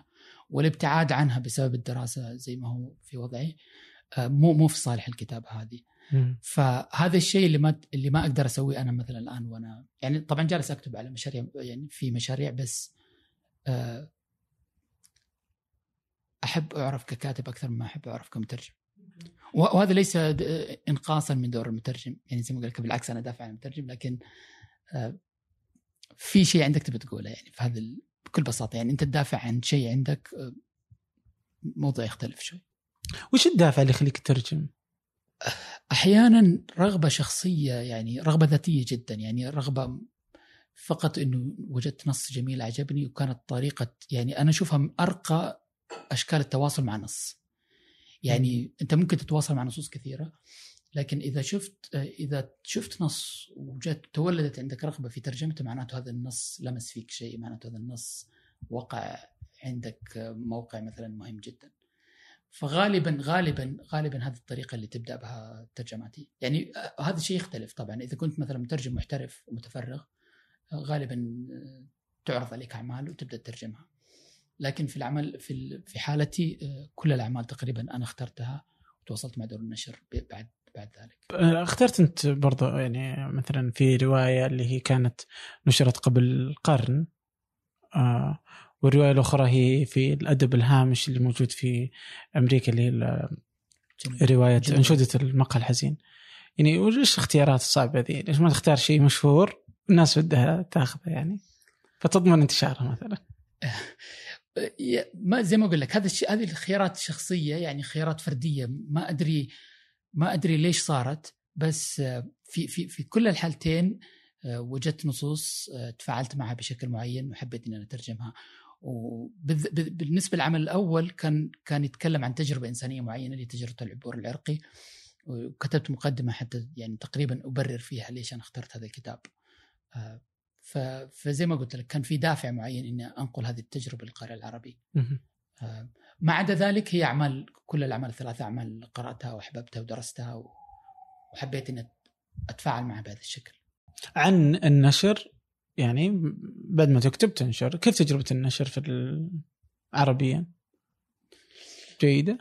لها ما لها وعليها ما عليها. يعني من أشياء من أسوأ الأشياء اللي اللي يشتكي منها الكتاب والمترجمين أنه مسألة الحقوق والشيء الثاني مسألة أنه دار النشر ما هي واضحة. يعني ما ما توصل للكتاب أو المترجمين مثلا كم بيع من الكتب اللي كتبتها أنت مثلا. ف فبالتالي يعلمونك كم فبالتالي قليل جدا يعني 90% من دور النشر يعني غالبا حتى لو أعطوك فلوس مثلا غالبا يكون مثلا عقد مرة واحدة وخلاص. الفكرة مو هنا، الفكرة إنه أنت ككاتب ما تدري عن حجم القبول والتلقي عند القارئ العربي. وهذه مشكلة. يعني أكيد طبعا توصلك مثلا فيدباك أو أو أو آراء القراء بشكل أو بآخر لكن ما يكون عندك ما عندك صورة كاملة كم بيع من كتابك مثلا. مشكلة. طبعا أنا شخصيا أشوفها مشكلة كيف ما أعرف كم عدد الكتب اللي انباعت؟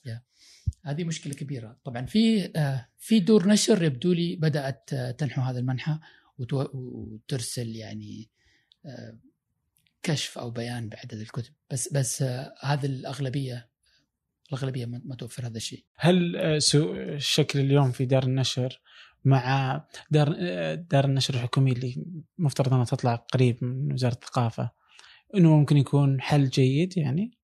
أنا ما عندي صورة واضحة ولكن في البداية بدأوا كثير من الناس انزعجوا قالوا إنه آه، يعني راح تهيمن فبالتالي في السوق آه، يعني تصير مشكلة في السوق إضافة إلى انه بالضرورة راح تنقل صورة واحدة يعني صورة أحادية عن المشهد آه، لكن أنا ما عندي تصور كافي يعني يخليني أعلق عليها.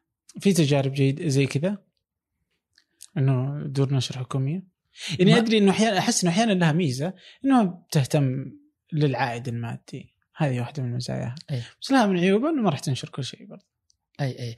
وهذا شيء وهذا شيء موجود موجود كان بشكل آخر في في الأندية الأدبية، الأندية الأدبية فيها لجان مطبوعات ونشر وكانت دائما آه، تنشر يعني الكتاب السعوديين. وكان وكان الشيء الجيد فيها إن فيها عائد مادي. يعني كانت فيما سبق يمكن يمكن دور النشر الوحيده اللي تعطي الكاتب مثلا مبلغ مادي مقابل كتابته. آه، ما أدري صراحة كيف التجربة. آه، يعني كل واحد يسويه ينتظر ويشوف.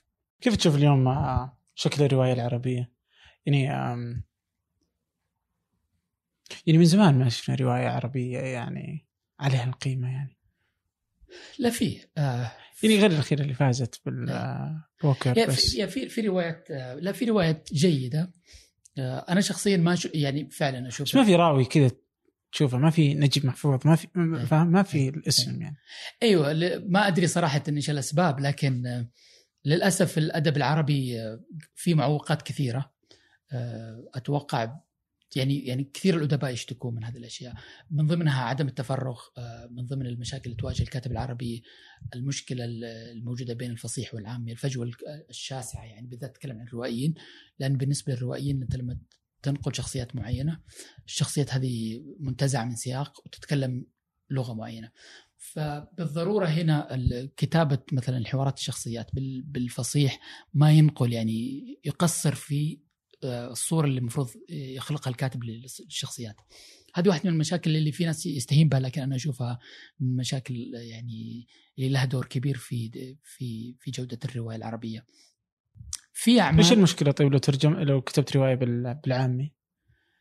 ما هو ما هو ما هو في حد جرب؟ آه في في طبعا في محاولات آه، غير محاولات. طبعا هو اللي يعجبني هذا الشيء مثلا من ناحية الأدب المصري هو أكثر أكثر أدب آه يعني يقدر يتوصل إلى منطقة بين العامي والفصيح يعني في كثير من كتابات مثلا إبراهيم أصلان أعطيك مثال كتاباته حتى هو يكتب بالعامي حتى عفوا هو يكتب بالفصيح يكون في منطق عامي خلف خلف الكتاب الفصيح. فبالتالي في مناطق ممكن حتى تكون خلاقة لحل هذه المشكلة. لكن هي مشكلة قائمة و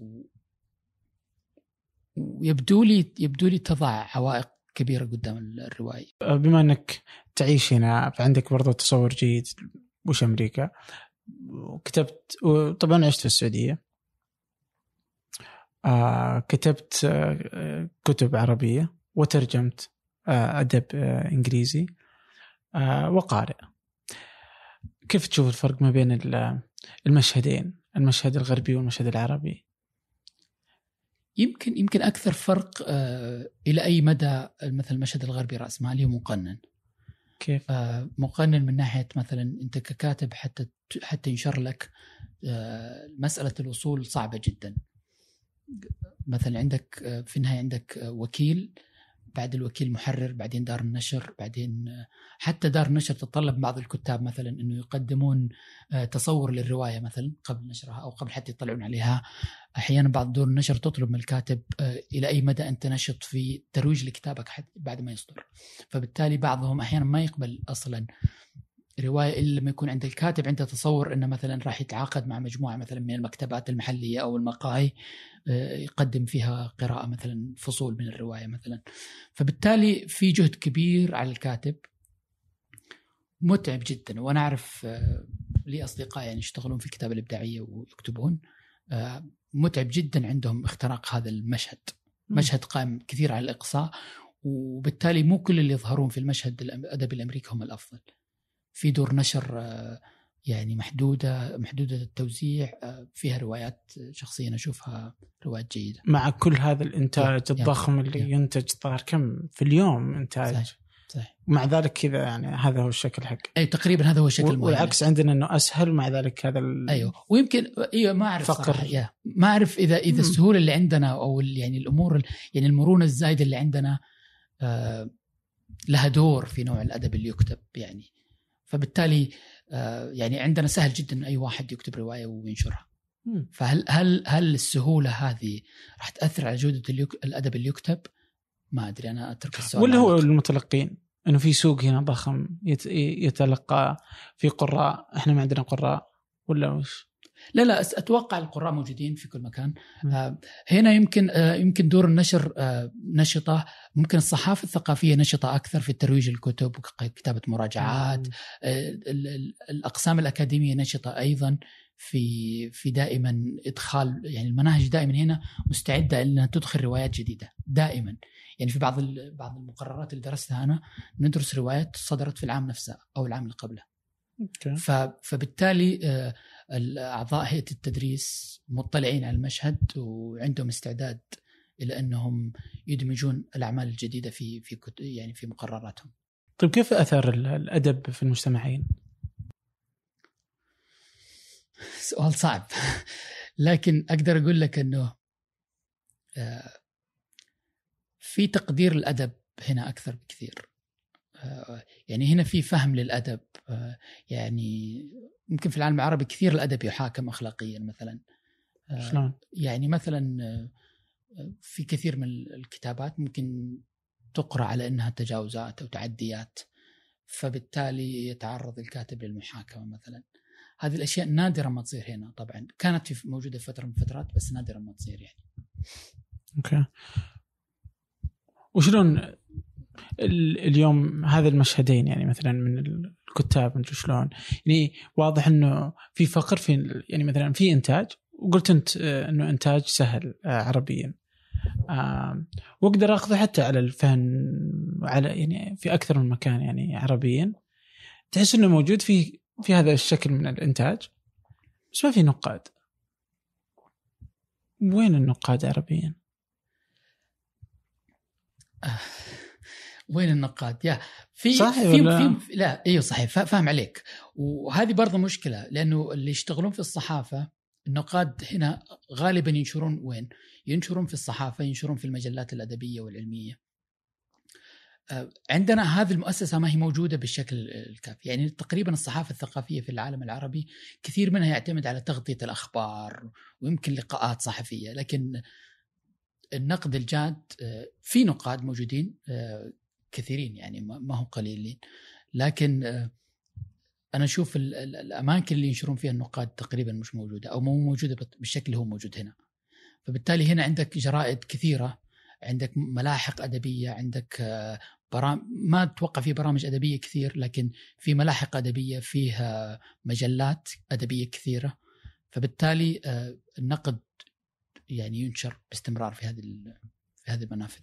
اليوم كذا المشهد الثقافي السعودي إذا وصفته. اليوم هو في حراك. آه يعني أتوقع إن في بعض إنه تكلمنا إنه يعني نمو يعني في اللي يبغى يحاول اللي يبغى يطلع برا واضح اللي يبغى يطلع برا. بس اللي يبغى في الداخل تحس إنه في حراك موجه للداخل للداخل؟ والله شوف فني يعني. إذا تتكلم عن رواية أنا أقول لك فيه. يعني أنا أنا مبسوط بالأعمال اللي قرأتها لفهد الفهد. آه، لعزيز محمد لأحمد الحقيل آه، لعبد الله ناصر. آه، كل هذول الشباب يكتبون الآن و... وما أدري لأي مدى نقدر أقيس إنه عندهم رغبة إنه أعمالهم تنشر آه، في الخارج. لكن لكن في نشاط. يعني الشخص اللي اللي عنده القدرة على تتبع المشهد في نشاط كويس.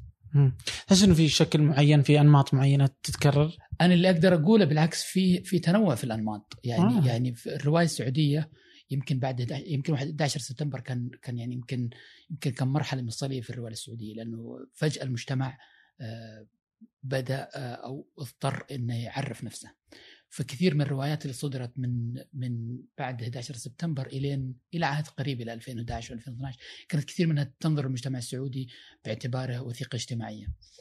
آه، يعني كانت شارحة وكانها موجهه للغرب. يعني يعني مثلا شارحه لبعض المشاكل بالذات مثلا مشاكل الهيئة مشاكل آه، التطرف الشغلات هذه. اليوم أنا أشوف آه، الأسماء اللي ذكرتها متخلصة من هذه من هذه الهموم. آه، وأيضا أخذت مناحي مختلفة. يعني مثلا في رواية فهد الفهد رواية ديستوبيه تتصور الرياض في وضع ديستوبي يعني كارثة طبيعية وكيف المجتمع يتغير بناء على هذه الكارثة استجابة لها. آه، رواية أحمد الحقيل أحمد يعني يستمد من التاريخ وأيضا آه، يذهب إلى القرى أو يصور القرى مو التصوير الرومانسي القديم اللي موجود مثلا في بعض في الأدب السعودي سابقا ولكن تصوير القرى باعتبارها أيضا مثل المدن تصير فيها كوارث تصير فيها حوادث تصير فيها آه، يعني خيبات كل شيء من هذا القبيل ففي في أشوف تنويع في في الأدوات الفنية موجود عند ال عند ال عند هؤلاء الكتاب. تحس إنه الكاتب أو الفنان آه، يمثل نفسه بالضرورة ولا هو يمثل السعودية مثلا؟ أنا أشوف يمثل نفسه بالضرورة.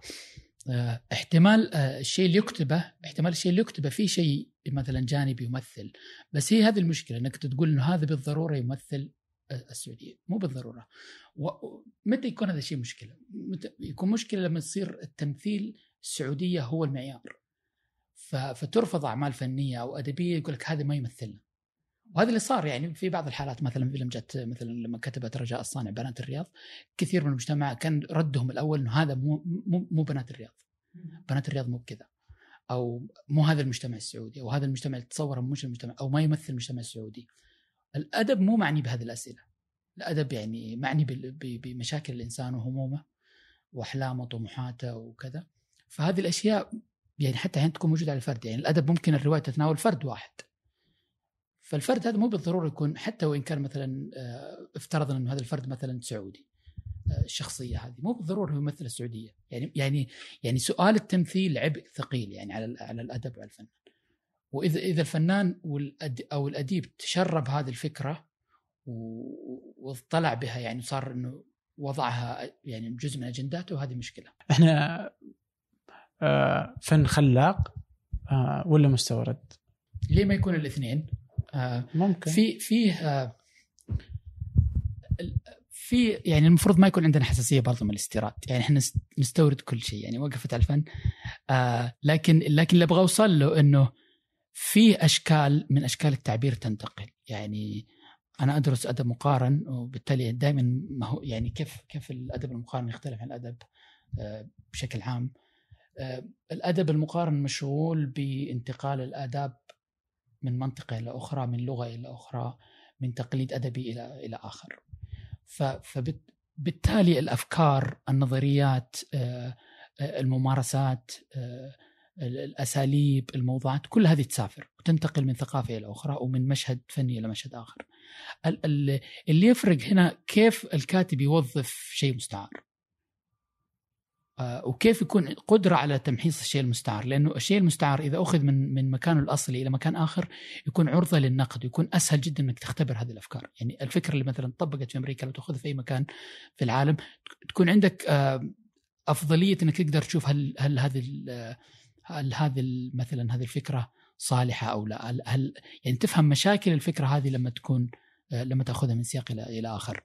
فبالتالي أشوف استيراد الفن آه، يعني يعني أنا ما أدري إذا هو استيراد كلمة مناسبة لكن الفنانين بالضرورة آه، يتطلعون إلى أنهم يكونون جزء من من من حراك عالمي.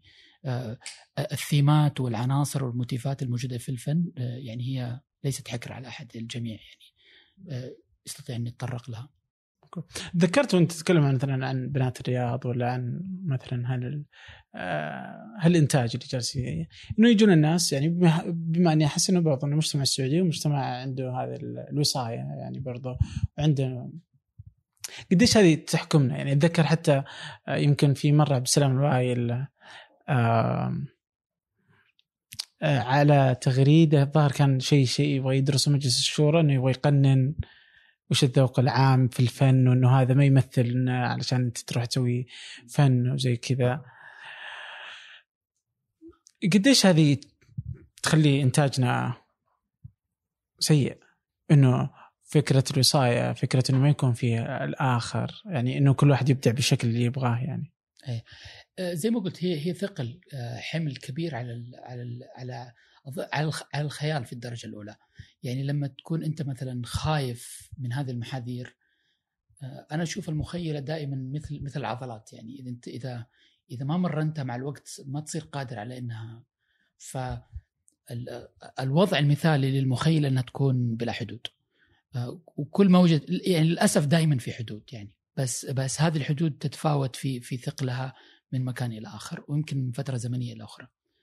بس هذا دائما مو في صالح الأدب والفن يعني ممكن يكون في أشياء أخرى متعلقة بال- بالأدب أنا ما أعرف بس إنه بالأدب والفن المفروض يكون الأديب وال- والفنان عنده حرية في إنه يعني يتناول الموضوع بالشكل اللي يبغاه آه، لأن لأن هذا هي هذا الشيء هو اللي هو اللي يخلي المشهد أصلا يعني مشهد حيوي ومؤثر وحتى يخلي الفن مؤثر بطريقة أو بأخرى وين الحد؟ وين الحد اللي نقول هنا يوقف؟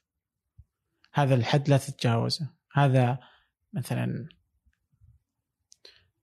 لا تسويه، يعني مثلا هذا فيه مخالف للذوق العام مثلا. هي أنا ما أدري وش إيه، الذوق العام إيه، صدق إيه. بس إني أفهم إنه مثلا يعني مثلا ما يمديك تروح تحط مثلا ما أدري وش مثلا مفاصيخ مثلا تروح تحطها مثلا أفهم إنه ما راح يتقبلونه صح ولا لا؟ بس بس إنه برضه تقول لا لا هذه أنت فما وين نوقف؟ وين الخط اللي نوقف فيه؟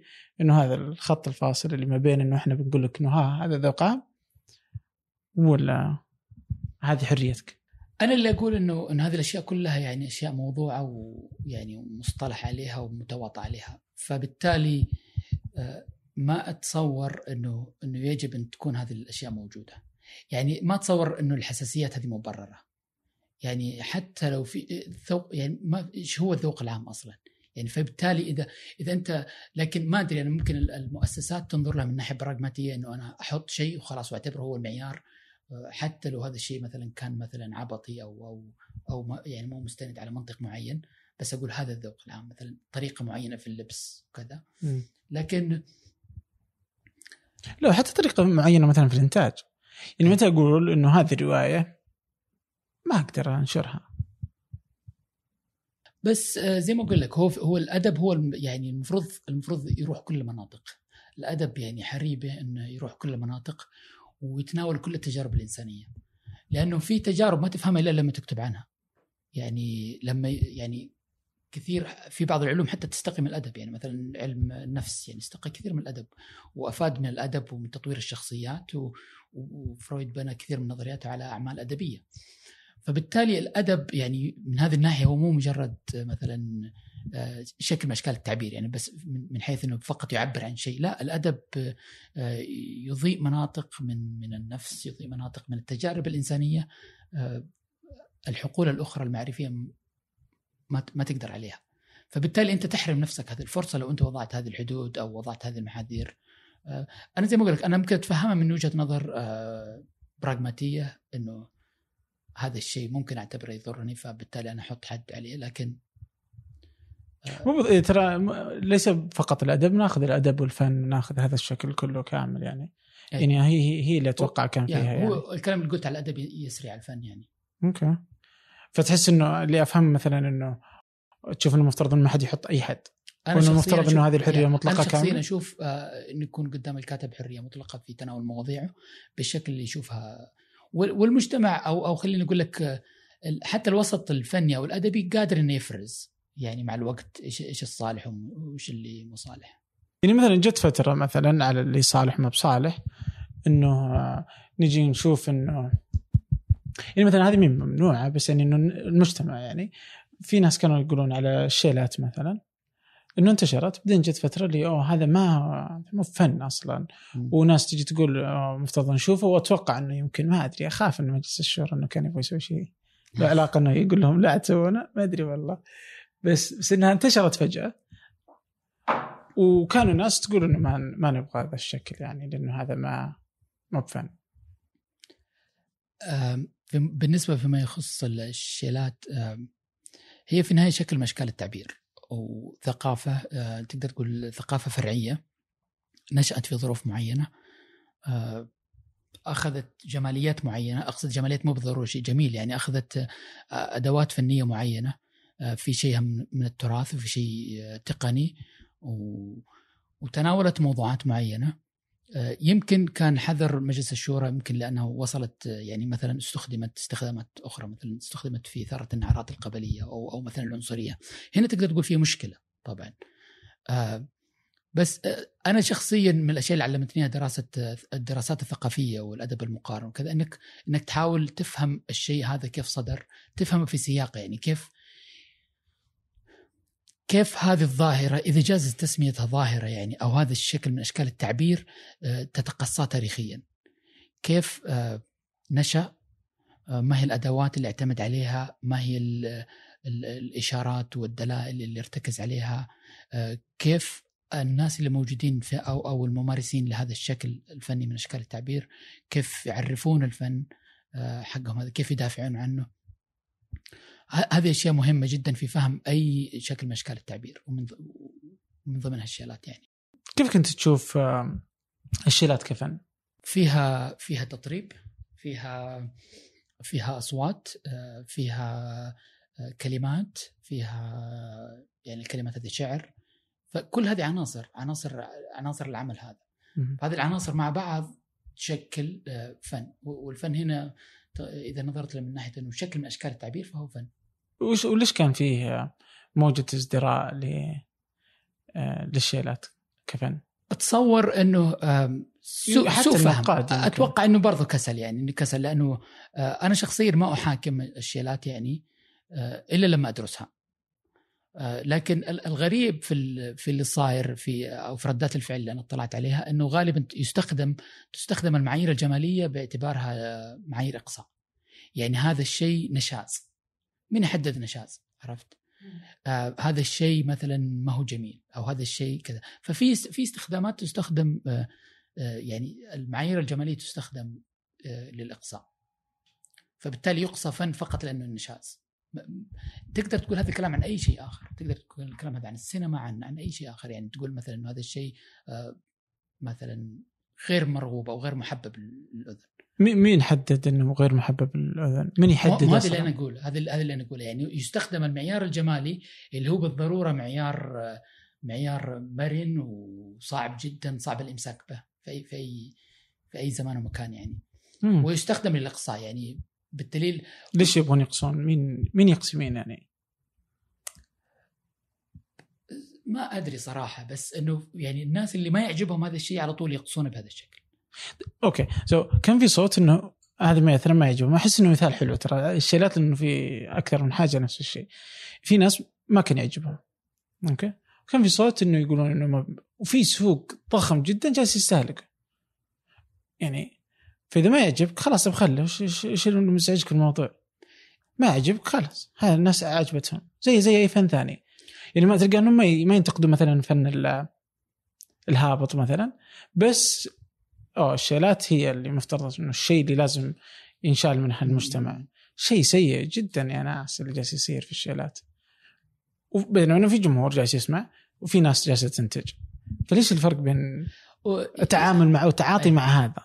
أيوه هو الغريب. الغريب إنه حتى يعني لو نظرت للشيلات باعتبارها مثلا شكل من أشكال التعبير أو حتى نظرت لها باعتبارها يعني ثقافة فرعية إنه أحيانا تجيك أشكال من أشكال التعبير أجنبية وعلى طول تستقبل على إنها بالضرورة كويسة يعني مثلا الراب مثلا أو كذا أو كذا ممكن شخص آخر مثلا يرفض الراب باعتباره مثلا آه، مثلا مزعج مثلا. يستخدم نفس نفس الأساليب الاقصاء اللي استخدمت ضد الشيلات. بس آه، آه، برجع لنقطة الانتشار والسوق. هذا مو بالضرورة إنه هذا الشيء كويس. يعني أحيانا السوق أصلا يساعد فن معين الانتشار لأنه السوق يعرف وين يوظف أدواته. فبالتالي في بعض الفنون التعبيرية يستخدمها السوق والسوق قادر على هذا الشيء يعني التسليع آه، طريقته في في إنه آه، يحقق انتشار معين. وش المشكلة في تسليع الفن؟ إنه يصير الفن في حد ذاته آه، سلعة بدون نظر إلى قيمة الجمالية. أوكي. والشيء الثاني عدم يعني غير مبرر مثلا إنه لوحة تبيع بملايين يعني هذا شيء غير مبرر يعني. بس هذا ما غير مبرر لأنه لأنه يعني فيه جهات كثيرة تواطأت على هذا هذا التسليع. النقاد والقيمين والناشرين والسوق وكذا. أوكي. طيب وش المشكلة إذا أنا فنان أني أبغى ابيع أنا جالس أسوي فني للبيع. ما في مشكلة. أوكي. جالس اسلع فما في مشكله ما في مشكلة. لأنه لا البيع بحد ذاته مو مشكلة. الا إلا إذا بتنظر للنظام الرأسمالي بحد ذاته تكون مشكلة هنا تقول في مشكلة. لكن البيع في حد ذاته مو مشكلة. كل واحد آه، لاعب الكرة يلعب ويحصل على شيء مقابل موهبته الكاتب كل. هل الفنان لازم يكون عنده رسالة؟ فنة؟ يمثل شيء؟ مو بالضرورة. مو بالضرورة. ممكن ممكن فنان يزعم إنه عنده رسالة بس مو بالضرورة. الفن يكون عنده رسالة. okay مفترض إن الفن كذا لمجرد إنه ما ما أقول لك المفترض أقصد إنه مو بالضرورة في فرق بين الاثنين. مو بالضرورة يعني ممكن في فنان يقول لك أنا عندي رسالة أبغى أوصلها. هو حر. بس okay. إنه هل ملزم قصدي؟ لا لا الفنان لا, لا, لا يعني تدري إنه في ناس يقول لك أوه إيش إذا ما في رسالة من فنك؟ لا مو ملزم. و... لأنه أحيانا الفن هو اللي أيوة. يعني هو اللي يوصل الرسائل اللي أنت تبغاها. دائما زي كذا اللي وش الرسائل اللي جالس يوصلها الفن؟ وش الرسائل توصلها مثلا اي ادب أي الفن رسالة أي مو, مو بالضرورة تكون في رسالة. أنا أتصور مو بالضرورة تكون في رسالة لأنه حتى الرسالة مفهوم مفهوم مطاط شوي لأنه آه، في النظريات الحديثة في نظريات التلقي يعني المتأخرة تقول لك إنه أصلا ما في معنى في في جوهر النص مثلا هذا أو أو هذا العمل. المتلقي يكمل معنى يعني آه، العمل الأدبي فيه فراغات وفجوات المتلقي يجي ويكمل معنى يعني أوكي. لما تنظر للكتاب مثلا هذا الكتاب في حد ذاته لا لا يحمل أي معنى. يعني كيف ممكن تنظر إلى معنى جالس على الرصيف مثلا لكن هو الإنسان بت... بت... أو المتلقي بت... بتعاطيه مع هذا العمل آه، يخلق المعنى فبالتالي هنا كيف تقول أصلا إنه في رسالة موجودة لأن لأن أنت لما تقول في رسالة أنت أنت بالضرورة آه، تنزع آه، القوة حتى من المتلقي، المتلقي عنده قوة هو يعطي معنى. طبعا هو شارك في خلق المعنى. آه، فإذا أنت تقول إنه فقط المتلقي فقط يستقبل رسالة فأنت تخليه هنا بالضرورة مثلا سلبي. يعني فقط يتشرب هذه الأفكار. هل الفن يخلي المجتمعات أفضل؟ يعني أتذكر كانوا يقولون الفن يقي من الإرهاب مثلا يهذب سلوك الناس ما أتصور لأنه حتى الإرهابيين يستخدمون الفن أحيانا. يعني يعني داعش كان عندهم مجلة أدبية و... آه. وعندهم شعر آه، مثلا وهم يعني بتلك البشاعة يعني. أنا أتصور إنه آه، ضروري تهذيب أشياء معينة في في إذا أتكلم عن التعليم مثلا كمؤسسة ضروري تهذيب الطلاب من خلال تنمية روح الإبداع عندهم من خلال تدريبهم على التذوق الجمالي. هذه الأشياء تساعد كثير لكن أشك يعني أو ما ما أتوقع إنه هذا الشيء بالضرورة يقيهم مثلا مثلا من الانحرافات هذه. طيب ليه كانوا يقولون كذا؟ ما أدري اسال أشخاص أنفسهم بس تذكر صح؟ يا يا جت فترة اللي يا أنا أنا زي ما أقول لك على المستوى الشخصي ما أتوقع إنه إنه بالضرورة الفن آه هو هو أكيد شكل جميل من أشكال التعبير الإنساني لكن أيضا يمكن يستخدم كل الاستخدامات وحتى الأنظمة الشمولية وال يعني حتى الأشياء البشعة كل يعني اللي صارت في التاريخ آه لازم تستخدم الفن لأنه آه برضو وسيلة لإيصال رسائل قبل شوي نتكلم عن رسائل إذا أنت عندك مثلا بالضرورة عندك رسالة تبغى توصلها للجميع آه، ممكن تستخدم الفن السينما كل هذه فنون استخدمت يعني سابقا. بس طيب خلني برجع يعني فيما بدأنا في علي اللي البدوي. أوكي؟ إيش تحس إنه في أشياء يصور فيها البدوي وهو وهي مغلوطة مثلا؟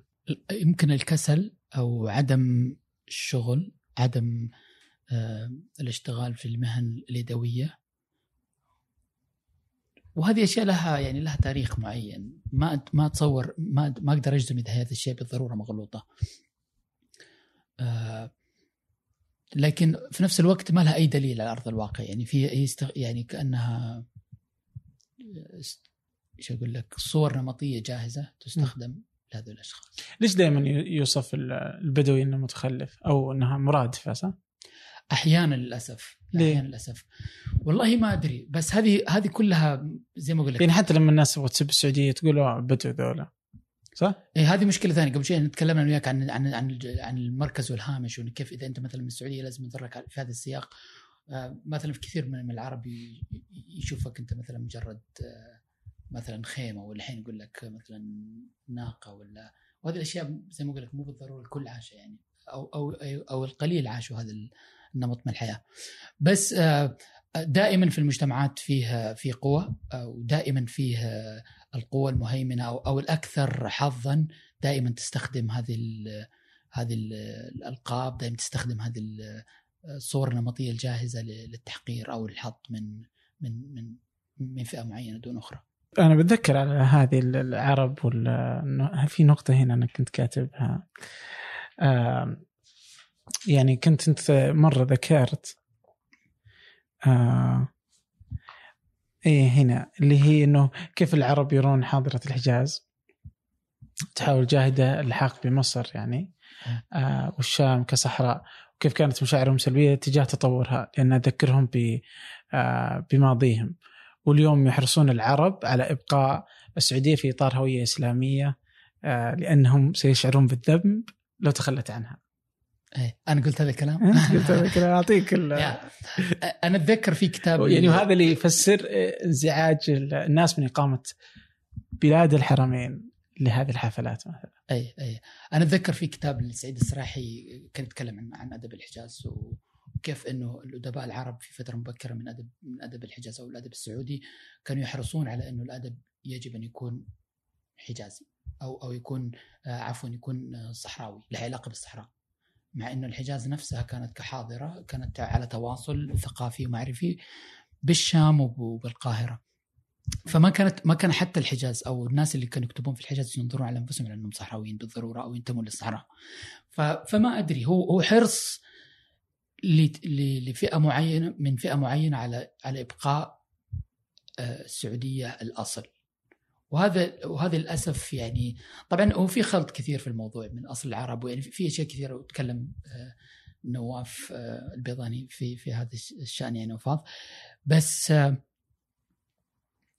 غير أنا أشوفه مجحف لأنه بالضرورة يقول لك يملي عليك أنت شو تسوي وأنت شو ما تسوي. يعني فيها شكل من أشكال الوصايا عليك. وهذا الشيء المفروض نتخلص منه، المفروض ما نرد عليه بس المفروض نتخلص منه لأنه أول طريقة للتخلص منه إنه ما ننظر لأنفسنا على إنه بالضرورة مثلا صح مثلا منتمي للصحراء، يعني في إذا في كاتب آه، آه، سخر الصحراء مثلا في كتاباته وفي كتاب فعل هذا يعني بالفعل آه، ليش لا؟ بس إنه مو بالضرورة لأنه لأن لأن في النهاية الأدب والفن مجرد انعكاس لحياة الناس وحياة الناس اليوم ما هي بالضرورة ملزمة. بتصور أنفسهم ينتمون لهذه المنطقة. طيب إيش إيش الأدب المقارن؟ أدب المقارن يختلف عن الأداب الأخرى يعني مثلا يختلف عن الأدب الإنجليزي أو الأدب العربي أو الأدب الكوري أو ما شابه من ناحية أنه يدرس الأدب وهو ينتقل، يعني يدرس الأدب بعد ما ينتقل من آه، موطنه، موطن هنا ممكن تكون دولة، ممكن تكون إقليم، ممكن تكون لغة إلى موطن آخر. فبالتالي يعني إذا أنت تدرس أدب مقارن من الأشياء اللي تسويها تاريخ للأدب، آه، علم اجتماع الأدب، آه، شيء مشابه للعلاقات الدولية بس بس في في سياق الأدب. يعني يعني ننظر دائما للترجمة باعتبار هي أول شكل من أشكال الانتقال. طبعا الانتقال من منطقة إلى أخرى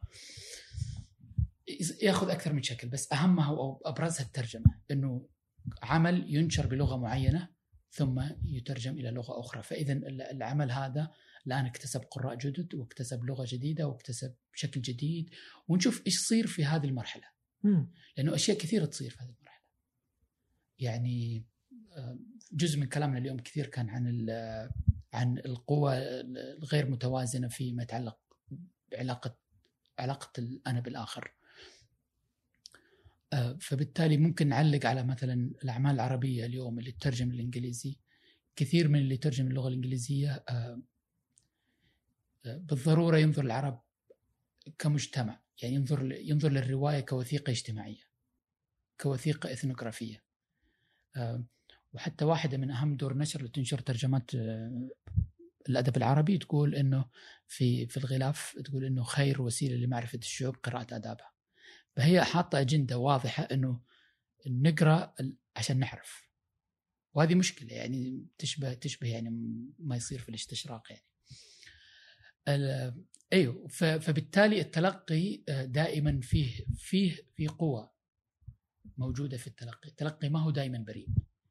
آه، وعلى أي أساس ينتقون الأعمال؟ وهذه يعني برضه إشكالية يعني أتذكر فيه آه، مترجم اسمه بيتر كلارك آه، هذا يترجم الأدب العربي للإنجليزي. فمرة من المرات اقترح على الناشر إنه يترجم لكاتب سوري اسمه عبد السلام العجيلي.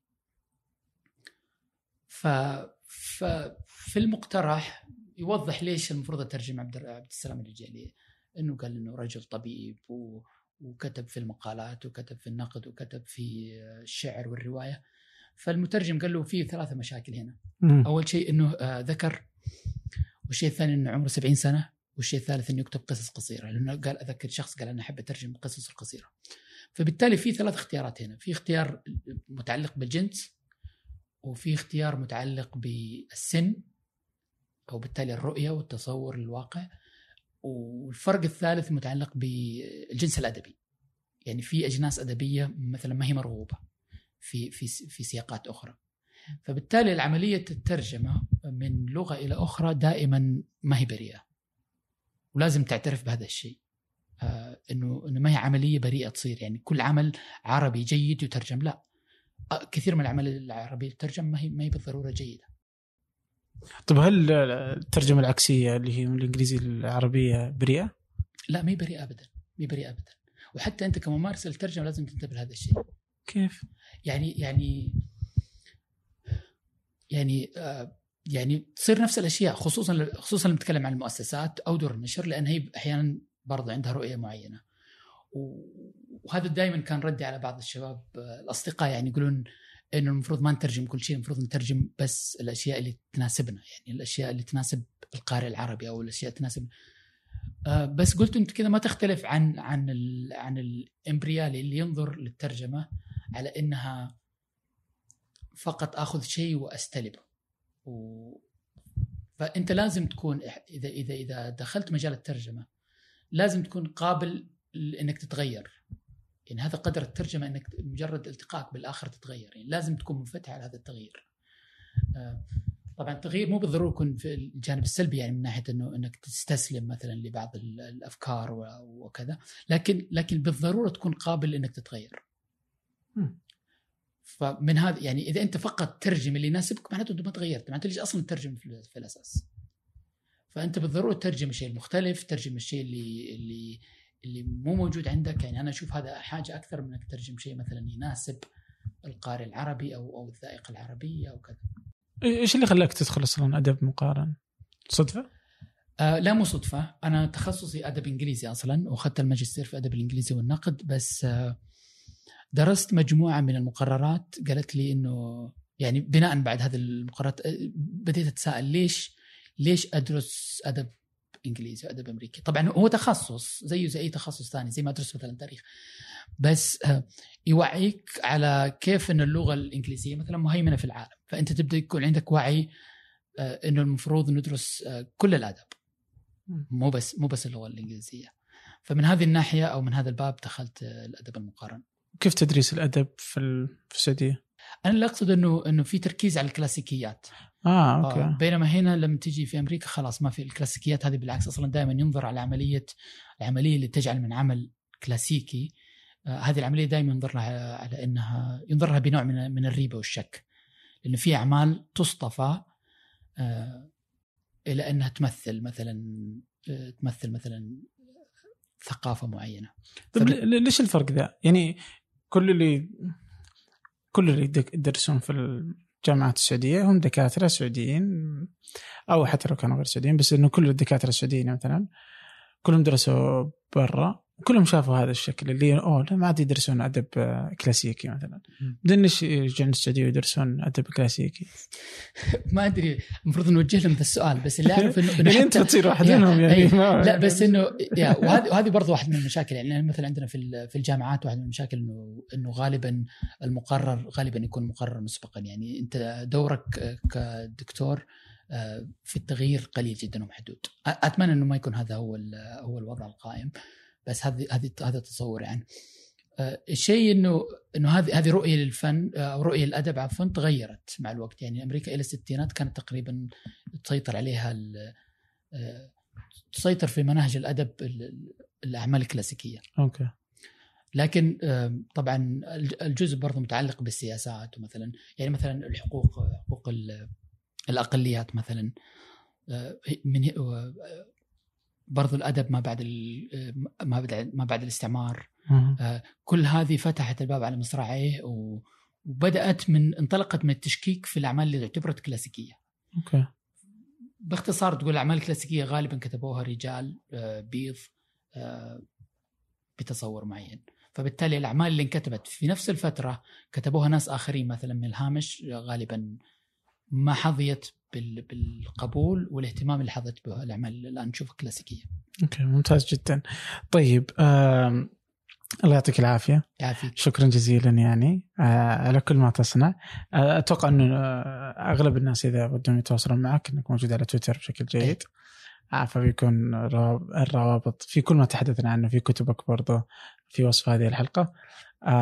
يا شكرا والله الله يعطيك العافية. العفو شكرا لك. شكرا لمجيئك يعني جاي من قرية؟ بنغهامتون مدينة صغيرة. okay. أي.